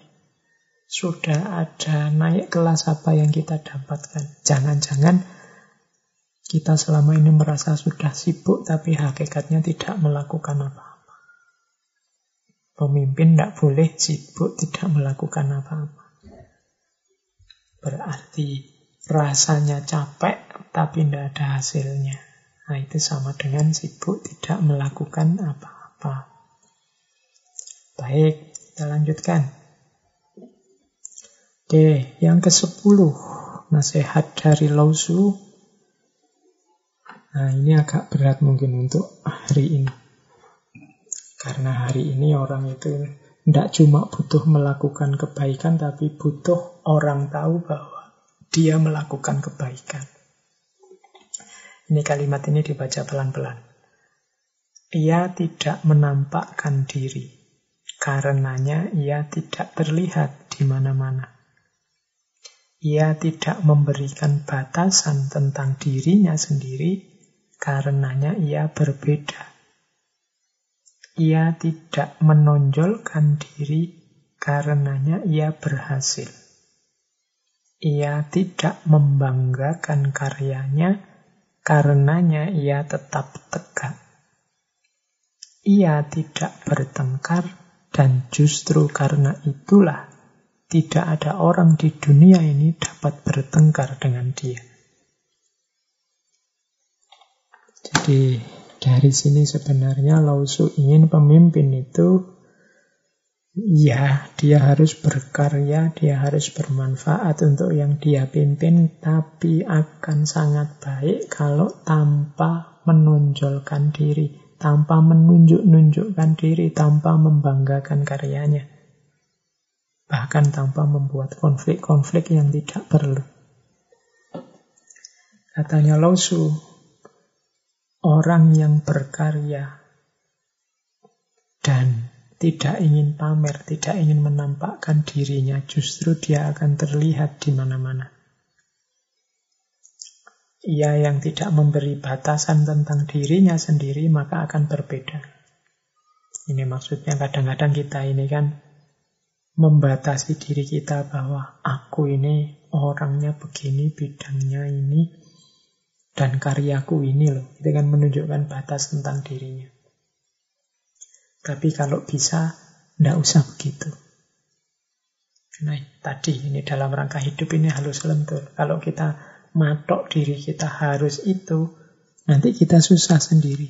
Misalnya saya matok, aku ini orang filsafat jadi ya ngerti ku cuma filsafat, bisanya ngomong filsafat, di luar filsafat aku tidak ngerti. Tolong jangan ngajak saya ngomong di luar filsafat misalnya. Ketika saya kaku dengan itu, itu biasanya terus menyusahkan aku sendiri. Yang pertama susahnya apa? Apa benar aku itu ngerti filsafat semuanya? Dalam banyak hal di dunia filsafat ya mestinya aku ya tidak ngerti. Kemudian apa benar aku itu tidak butuh bidang yang lain? Apa bisa filsafat itu misalnya lepas dari banyak hal yang lain, dari ekonomi, dari dunia sosial, dari budaya. Kemudian selanjutnya tiga, kalau aku membatasi diriku sekaku itu, apa ya aku itu tidak ngerti sama sekali tentang bidang ilmu yang lain. Apa mungkin orang hidup dengan filsafat saja? Nah, itu nanti jadi pembatasanku tentang diriku itu malah menyusahkan diriku sendiri. Kemudian jangan menonjolkan diri. Karena justru dengan tidak menonjolkan diri, seseorang bisa berhasil. Kalau ini lebih mudah dipahami, karena orang yang menonjolkan diri, orang yang membanggakan karya selanjutnya, itu kan biasanya orang yang sombong. Orang yang sombong itu ya orang yang mandek, merasa sudah sudah sukses, sudah menang, sudah pinter, sudah berhasil. Ya kalau sudah kan terus dia tidak jalan lagi. Mandek. Dan begitu dia mandek, itulah awal keruntuhannya.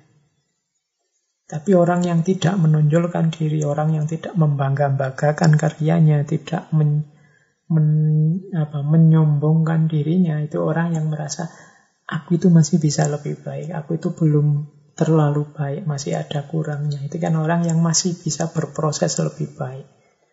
Sehingga dia bisa terus sukses. Kesuksesan A disusul kesuksesan B lebih baik lagi, lebih sukses lagi kesuksesan C, lebih baik lagi kesuksesan D, meningkat, meningkat terus. Maka ia yang tidak menonjolkan diri, karenanya ia berhasil, ia yang tidak membanggakan karyanya, karenanya ia tetap tegak dan yang terakhir, ia yang tidak bertengkar. Dan justru karena itulah tidak ada orang di dunia ini dapat bertengkar dengan dia. Jadi jadilah orang yang tidak bisa diajak bertengkar. Kalau bahasa Jawa ini tidak iso digarai.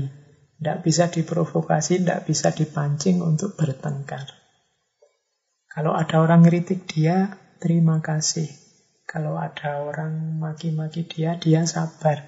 Kalau ada orang apa mengadu-adu dia dengan yang lain, ya dia orang memang pikirannya beda-beda. Jadi tidak bisa diajak konflik.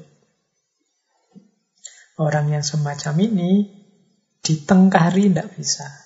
Jadi ditengkari itu di, diajak bertengkar.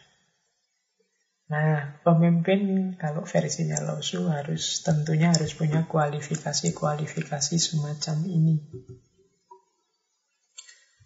Terus kita lanjutkan. Nah, ini beberapa quotes yang lebih inti tentang pemimpin. Yang ke-12. Pergilah, wahai pemimpin, dan temuilah masyarakatmu. Hiduplah bersama mereka, cintailah mereka, mulailah dari apa yang mereka tahu. Berkaryalah dengan apa yang mereka miliki. Dan pemimpin terbaik itu, saat pekerjaan tuntas, tugas selesai, masyarakat akan berkata, kita sendiri yang melakukan ini. Ini pelajaran dari Lausu, pemimpin itu harus membaur dalam kehidupan masyarakat. Pemimpin itu harus levelnya sama di tengah masyarakat. Ya kalau levelnya beda, ada jarak ya dia tidak akan paham, tidak akan ngerti situasi hidup masyarakat yang dia pimpin. Maka pergilah temuilah masyarakatmu, hiduplah bersama mereka, cintailah mereka. Jangan mengambil jarak. Ya kalau mengambil jarak kita tidak tahu apa yang mereka rasakan, apa yang sebenarnya terjadi dalam hidup mereka. Jadi cintailah mereka, baru setelah itu ayo bikin program bersama. Bareng-bareng. Ini kalau pakai bahasa para pujangga lama, inilah yang disebut manunggaling kawulo gusti. Antara pemimpin dan yang dipimpin manunggal jadi satu. Merancang kehidupan yang baik untuk semuanya bersama-sama. Jadi mulailah pertama dari apa yang mereka tahu. Jangan minteri mereka, karena biasanya pemimpin kan orang-orang yang lebih pinter. Terus minteri, minteri itu ya dengan kepinterannya dia memanipulasi yang dia pimpin. Dia apa menyusahkan orang yang dia pimpin dan seterusnya. Tapi Bicaralah, rancanglah program diawali dari level pemahaman mereka. Mulailah dari apa yang mereka tahu. Kemudian berkaryalah dengan apa yang mereka miliki. Mulai bekerja bersama dengan sumber daya yang dimiliki di sana. Nanti kalau sudah sukses, pekerjaan tuntas, maka rakyat atau masyarakat akan bilang, inilah karya kita. Tidak masalah pemimpinnya dilakukan, justru kalau pemimpinnya dilupakan, jadi tidak masalah pemimpinnya dilupakan, masyarakatnya mengklaim inilah karya kita, justru itulah pemimpin yang terbaik. Jadi pemimpin yang terbaik itu yang bisa menggerakkan rakyatnya untuk berkarya dan berproses menjadi semakin baik tanpa dia harus secara demonstratif tampil menjadi pelopor, menjadi terkenal, populer, enggak. Jadi diam-diam dia membaur di masyarakat, berkarya bersama mereka, dimulai di level pemahaman mereka, sesuai dengan sumber daya yang dimiliki bersama, kemudian mencapai target-target tertentu, dan masyarakat merasa bangga dengan kebersamaan itu, dan merasa bahwa ini karya kami bersama, karya kita bersama. Kalau ada pemimpin yang semacam ini, dia pemimpin yang terbaik. Jadi, kalau Lausu itu punya kategori, ini di selanjutnya ya, prinsip selanjutnya yang ke-13.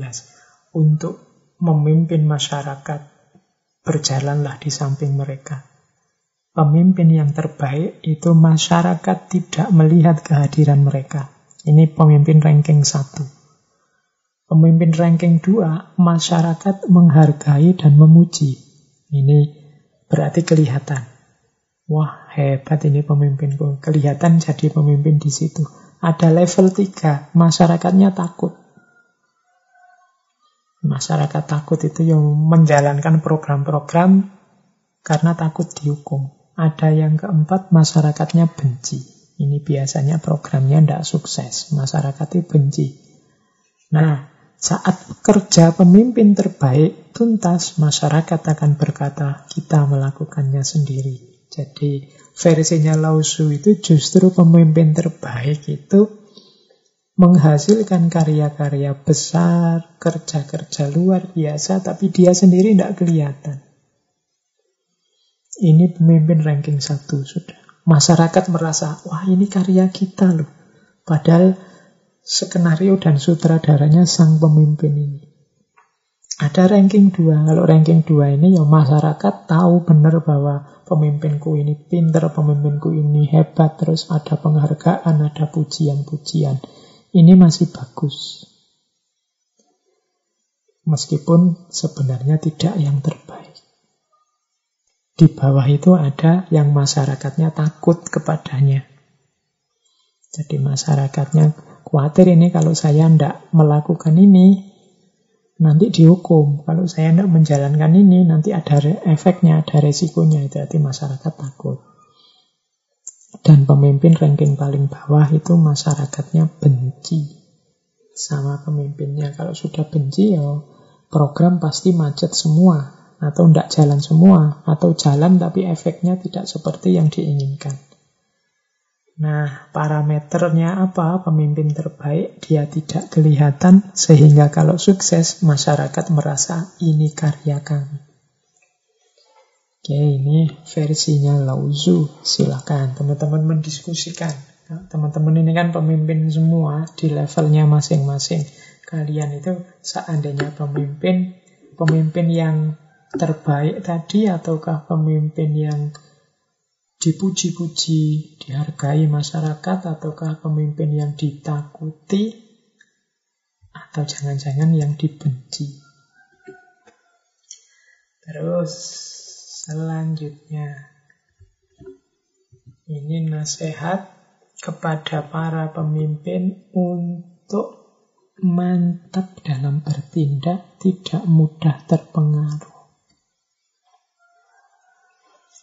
Jadi setelah pemimpin membangun karakternya dengan mantap seperti yang ada di depan tadi, ada tahapan dia harus menegaskan diri, meneguhkan diri. Ini kalimatnya Lausu seperti ini.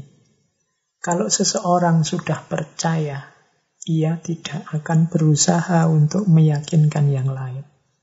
Kalau seseorang sudah nyaman, ia tidak akan meminta persetujuan orang lain. Kalau seseorang menerima dirinya sendiri, seluruh dunia akan menerimanya. Jadi ini nasihat selanjutnya dari Lausu yang pertama, pemimpin kalau memang sudah punya rencana-rencana yang baik, program-program yang baik, yang sudah matang didiskusikan, jalankanlah. Mungkin kiri kanan masih ada yang mengkritik, tapi kalau engkau sudah yakin, percayalah. Mungkin orang menuntut diyakinkan, mengkritik gunanya apa, manfaatnya apa. Tapi kalau engkau sudah yakin, sudah percaya, jalankanlah. Kalau orang sudah percaya, dia tidak akan capek-capek berusaha meyakinkan orang lain. Saya jelaskan maksud saya ini. Nah, kalau kalau orangnya oh, saya tidak terima bla bla bla bla ya sudah. Tapi saya yakin ini program saya baik. Nah itu pemimpin yang punya pendirian, punya prinsip. Karena kalau mendengarkan suara kiri, suara kanan, biasanya terus tidak jadi jalan. Tidak ada tadi perjalanan ratusan mil dimulai dari satu langkah kecil. Tidak mulai-mulai, diskusi terus. Kalau seseorang sudah nyaman, ya dia tidak akan minta persetujuan orang lain. Wong aku sudah cocok, menurutku ini yang baik. Jadi pemimpin juga harus punya self-assertion, harus punya self-confidence. Dia nyaman, tidak butuh lagi komentar orang, provokasi orang. Dan kalau orang sudah menerima dirinya sendiri, seluruh dunia akan menerimanya. Itu rumusan hukum alamnya. Terus selanjutnya menurut Lausu, kalau ini populer sekali, anak-anak yang belajar hukum pasti pernah dengar quotes ini. Semakin banyak hukum dan aturan diciptakan, akan semakin banyak pula penjahat dan pelanggar. Akan semakin banyak pencuri dan perampok. Itu sebenarnya makna letter letternya. Ya semakin banyak hukum, semakin banyak aturan, pastinya semakin banyak pelanggaran. Kenapa begitu? Ya karena ini mirip pagar. Semakin banyak pagar itu kan semakin mudah kita nabrak pagar. Semakin sedikit pagar, semakin sedikit juga kita ketabrak pagar. Hukum aturan itu kan seperti pagar. Apa kalau gitu kita tidak perlu hukum saja Pak? Tidak. Ini maksudnya lausu apa? Lebih penting menyadarkan orang melakukan yang benar dan yang baik daripada membuat hukum dan aturan. Hukum dan aturan itu kan kayak pagar. Daripada nambah pagar, biar kita tidak nginjak-injak tanaman, kan lebih baik orangnya disadarkan untuk tidak nginjak-injak tanaman. Kan logika sederhananya begitu. Maka digarap orangnya lebih penting daripada ditambahi aturannya. Gimana orang sadar sendiri, gimana orang punya kesadaran moral, kesadaran hukum, kesadaran mental, kesadaran hidup yang positif, hidup yang benar. Ini lebih mudah. Orang sadar pakai masker lebih penting digarap daripada membuat hukum orang yang tidak pakai masker. Ya meskipun pada titik tertentu kita butuh hukum itu ketika orang sama sekali tidak bisa disadarkan lagi. Tapi lebih enak memang proyek penyadaran daripada proyek penghukuman. Begitu ada hukum pakai masker, ya akhirnya banyak orang ditilang karena melanggar hukum pakai masker ini. Itu contoh paling mudah dari lausu ini. Tapi ada proses yang lebih penting lagi yaitu proyek penyadaran biar orang-orang sadar. Kalau tidak sadar itu kan manusia itu biasanya ya sembunyi-sembunyi. Ada polisinya ndak ya? Kalau tidak ada ya sudahlah tidak pakai masker. Wong dia tidak sadar. Tapi kalau dia sudah sadar pakai ada polisi apa ndak ya dia akan tetap pakai. Semakin banyak hukum dan aturan, semakin banyak penjahat dan pelanggar. Maka yo mari kita garap atau paling tidak ya di lingkungan yang kita pimpin lebih indah kalau kita menggarap proyek penyadaran ini daripada nambah hukum di organisasi kita. Oke. Terus ya ini sudah waktunya tinggal sedikit. Selanjutnya, kalau engkau tidak dapat dipercaya masyarakat, maka masyarakat tidak akan mempercayai. Jadi kalau engkau tak dapat dipercaya, masyarakat tidak akan mempercayaimu. Kalau engkau tidak percaya masyarakatmu, engkau membuat mereka tak dapat dipercaya. Nah ini tentang kepercayaan. Jadi pemimpin itu dia harus dapat dipercaya.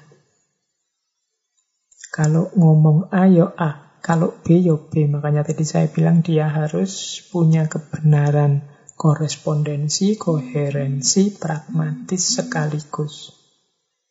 Kalau dia tidak punya ini, ya masyarakat tidak akan mempercayai dia. Kalau ini mudah dipahami. Tapi yang kedua juga penting. Kalau engkau tidak percaya masyarakatmu, engkau membuat mereka tidak dapat dipercaya.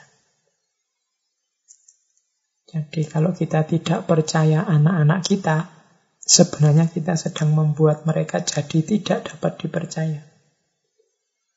Misalnya kita punya anak atau punya adik, sukanya keluar malam. Wah, pokoknya begitu keluar kita curigai, kita curigai. Lama-lama dia akan mencari trik, mencari strategi biar tidak dicurigai. Akhirnya kita terbohongi. Kenapa bisa begitu? Ya karena awalnya kita tidak percaya dia. Dia bilang apa adanya, kita tidak percaya. Dia bilang apa adanya, kita tidak percaya. Terpaksa dia bohong untuk mengikuti keinginan kita. Akhirnya apa? Kita sedang membentuk orang yang tidak dapat dipercaya. Jadi kalau engkau tidak percaya masyarakatmu, engkau sebenarnya sedang membuat mereka tidak dapat dipercaya. Kita itu kan kalau ngomong jujur, Orangnya tidak percaya. Ngomong jujur lagi, orangnya tidak percaya lagi. Ya wis, maumu apa? Akhirnya kita kan terus ngomong sesuai yang dia inginkan. Berarti kita latihan untuk bohong akhirnya. Jadi dia yang mepet kita terus itu akhirnya membuat kita jadi orang yang tidak dapat dipercaya. Jadi ini ada timbal balik. Jadi kalau kita ingin membuat orang yang kita pimpin, mungkin anak kita, mungkin adik kita, murid kita, bisa dipercaya, justru kita percayai dia. Dosen misalnya, merentah muridnya bikin tulisan. Begitu dia ngumpul, kita curigai dia. Oh ini dari Google ya? Enggak pak, saya nulis sendiri pak. Ah menurut saya kamu mesti copy paste dari Google. Ah enggak pak. Jadi kan sebenarnya kita seperti tadi, lama-lama akan membuat dia, oh iya pak saya ngambil dari Google. Oh, kita membuat dia jadi orang yang tidak dapat dipercaya akhirnya. Dia lebih milih bohong saja. Atau begitu kita curiga seperti itu, terus dia akan bikin dalih yang lain. Meskipun dia tahu bahwa dia juga sebenarnya ngambil di Google. Lebih enak apa? Kita percaya. Kalau versinya lausu ya, kita percaya dalam arti, oh ya, aku percaya kamu itu pinter, aku percaya kamu itu mahasiswa yang jujur selama ini, kamu termasuk yang saya sayangi. Jadi insya Allah kamu nulisnya pasti ndak plagiat, ndak bohong. Kalau kamu ngutip ya kamu sebut sumbernya. Insya Allah aku percaya. Insya Allah nilaimu bagus. Loh ini biasanya terus mahasiswa ini terus jadi tidak enak, mahasiswa ini terus jadi tidak nyaman kalau dia bohong. Sama anak-anak kita juga begitu. Kalau dia kita percaya, dia sendiri kemudian terbentuk jadi bisa dipercaya. Ya sebenarnya aku bisa bohong sih ke orang tua, keluar ini alasannya belajar padahal nongkrong. Tapi lama-lama tidak enak juga ya kalau bohongi orang tua. Loh ini berarti apa? Membentuk masyarakat jadi bisa dipercaya karena sebelumnya sudah dia kita percaya. Oke, kemudian ada lagi quotes. Nah, ini. Kalau ada orang tampak jahat, jangan membuangnya. Sadarkan dia dengan kata-katamu, hargai dia dengan perbuatanmu, tukar kekurangannya dengan kebaikanmu. Jangan membuang dia, buanglah kejahatannya.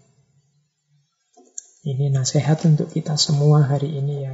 Kadang-kadang kita itu tidak suka sama perbuatan seseorang, tapi kemudian ketidaksukaan kita itu kita arahkan pada orangnya, bukan pada perbuatannya. Nasihatnya Lausu, kalau ketemu orang yang tampaknya ke orang ini jahat sih, jangan dibuang orangnya, tapi direvisi kejahatannya.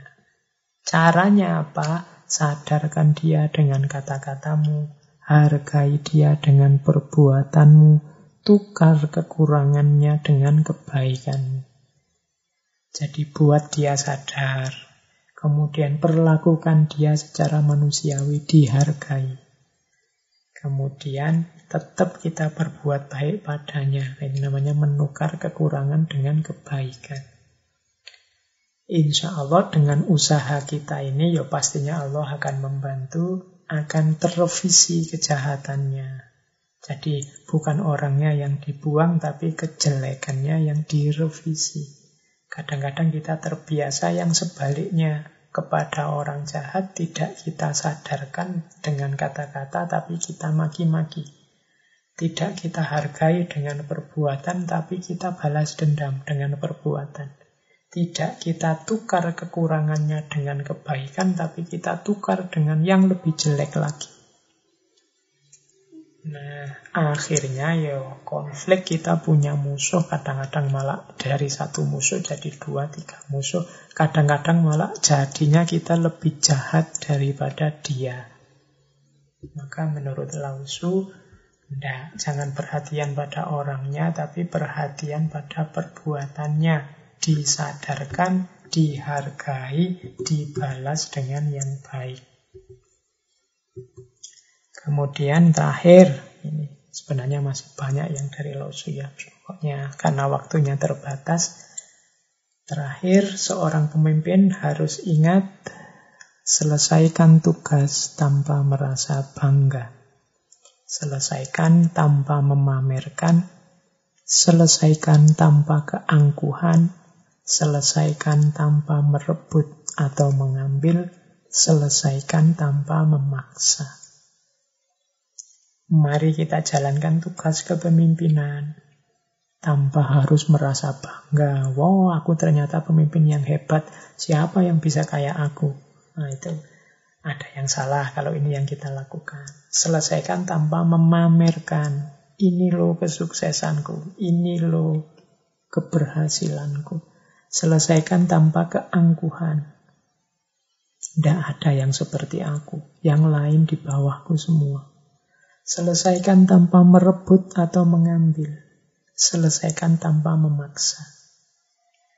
Jadi, mungkin yang kita lakukan kebaikan, hasilnya juga baik, tapi kalau itu kita lakukan diiringi rasa bangga, diiringi pamer keangkuhan, dengan cara mengambil, merebut, memaksa, maka tidak ada gunanya kebaikan yang kita lakukan. Tidak ada gunanya prestasi-prestasi kita.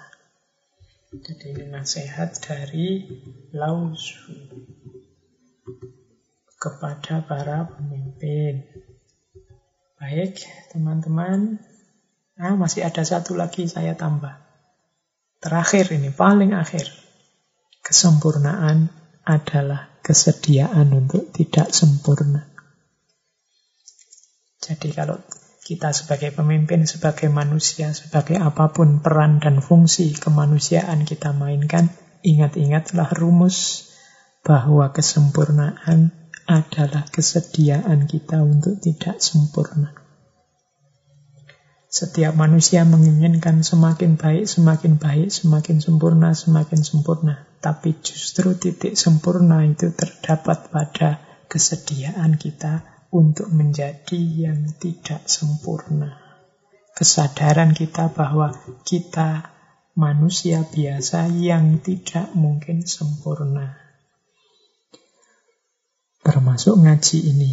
Pasti banyak ketidaksempurnaannya, maka kurang lebihnya saya mohon maaf.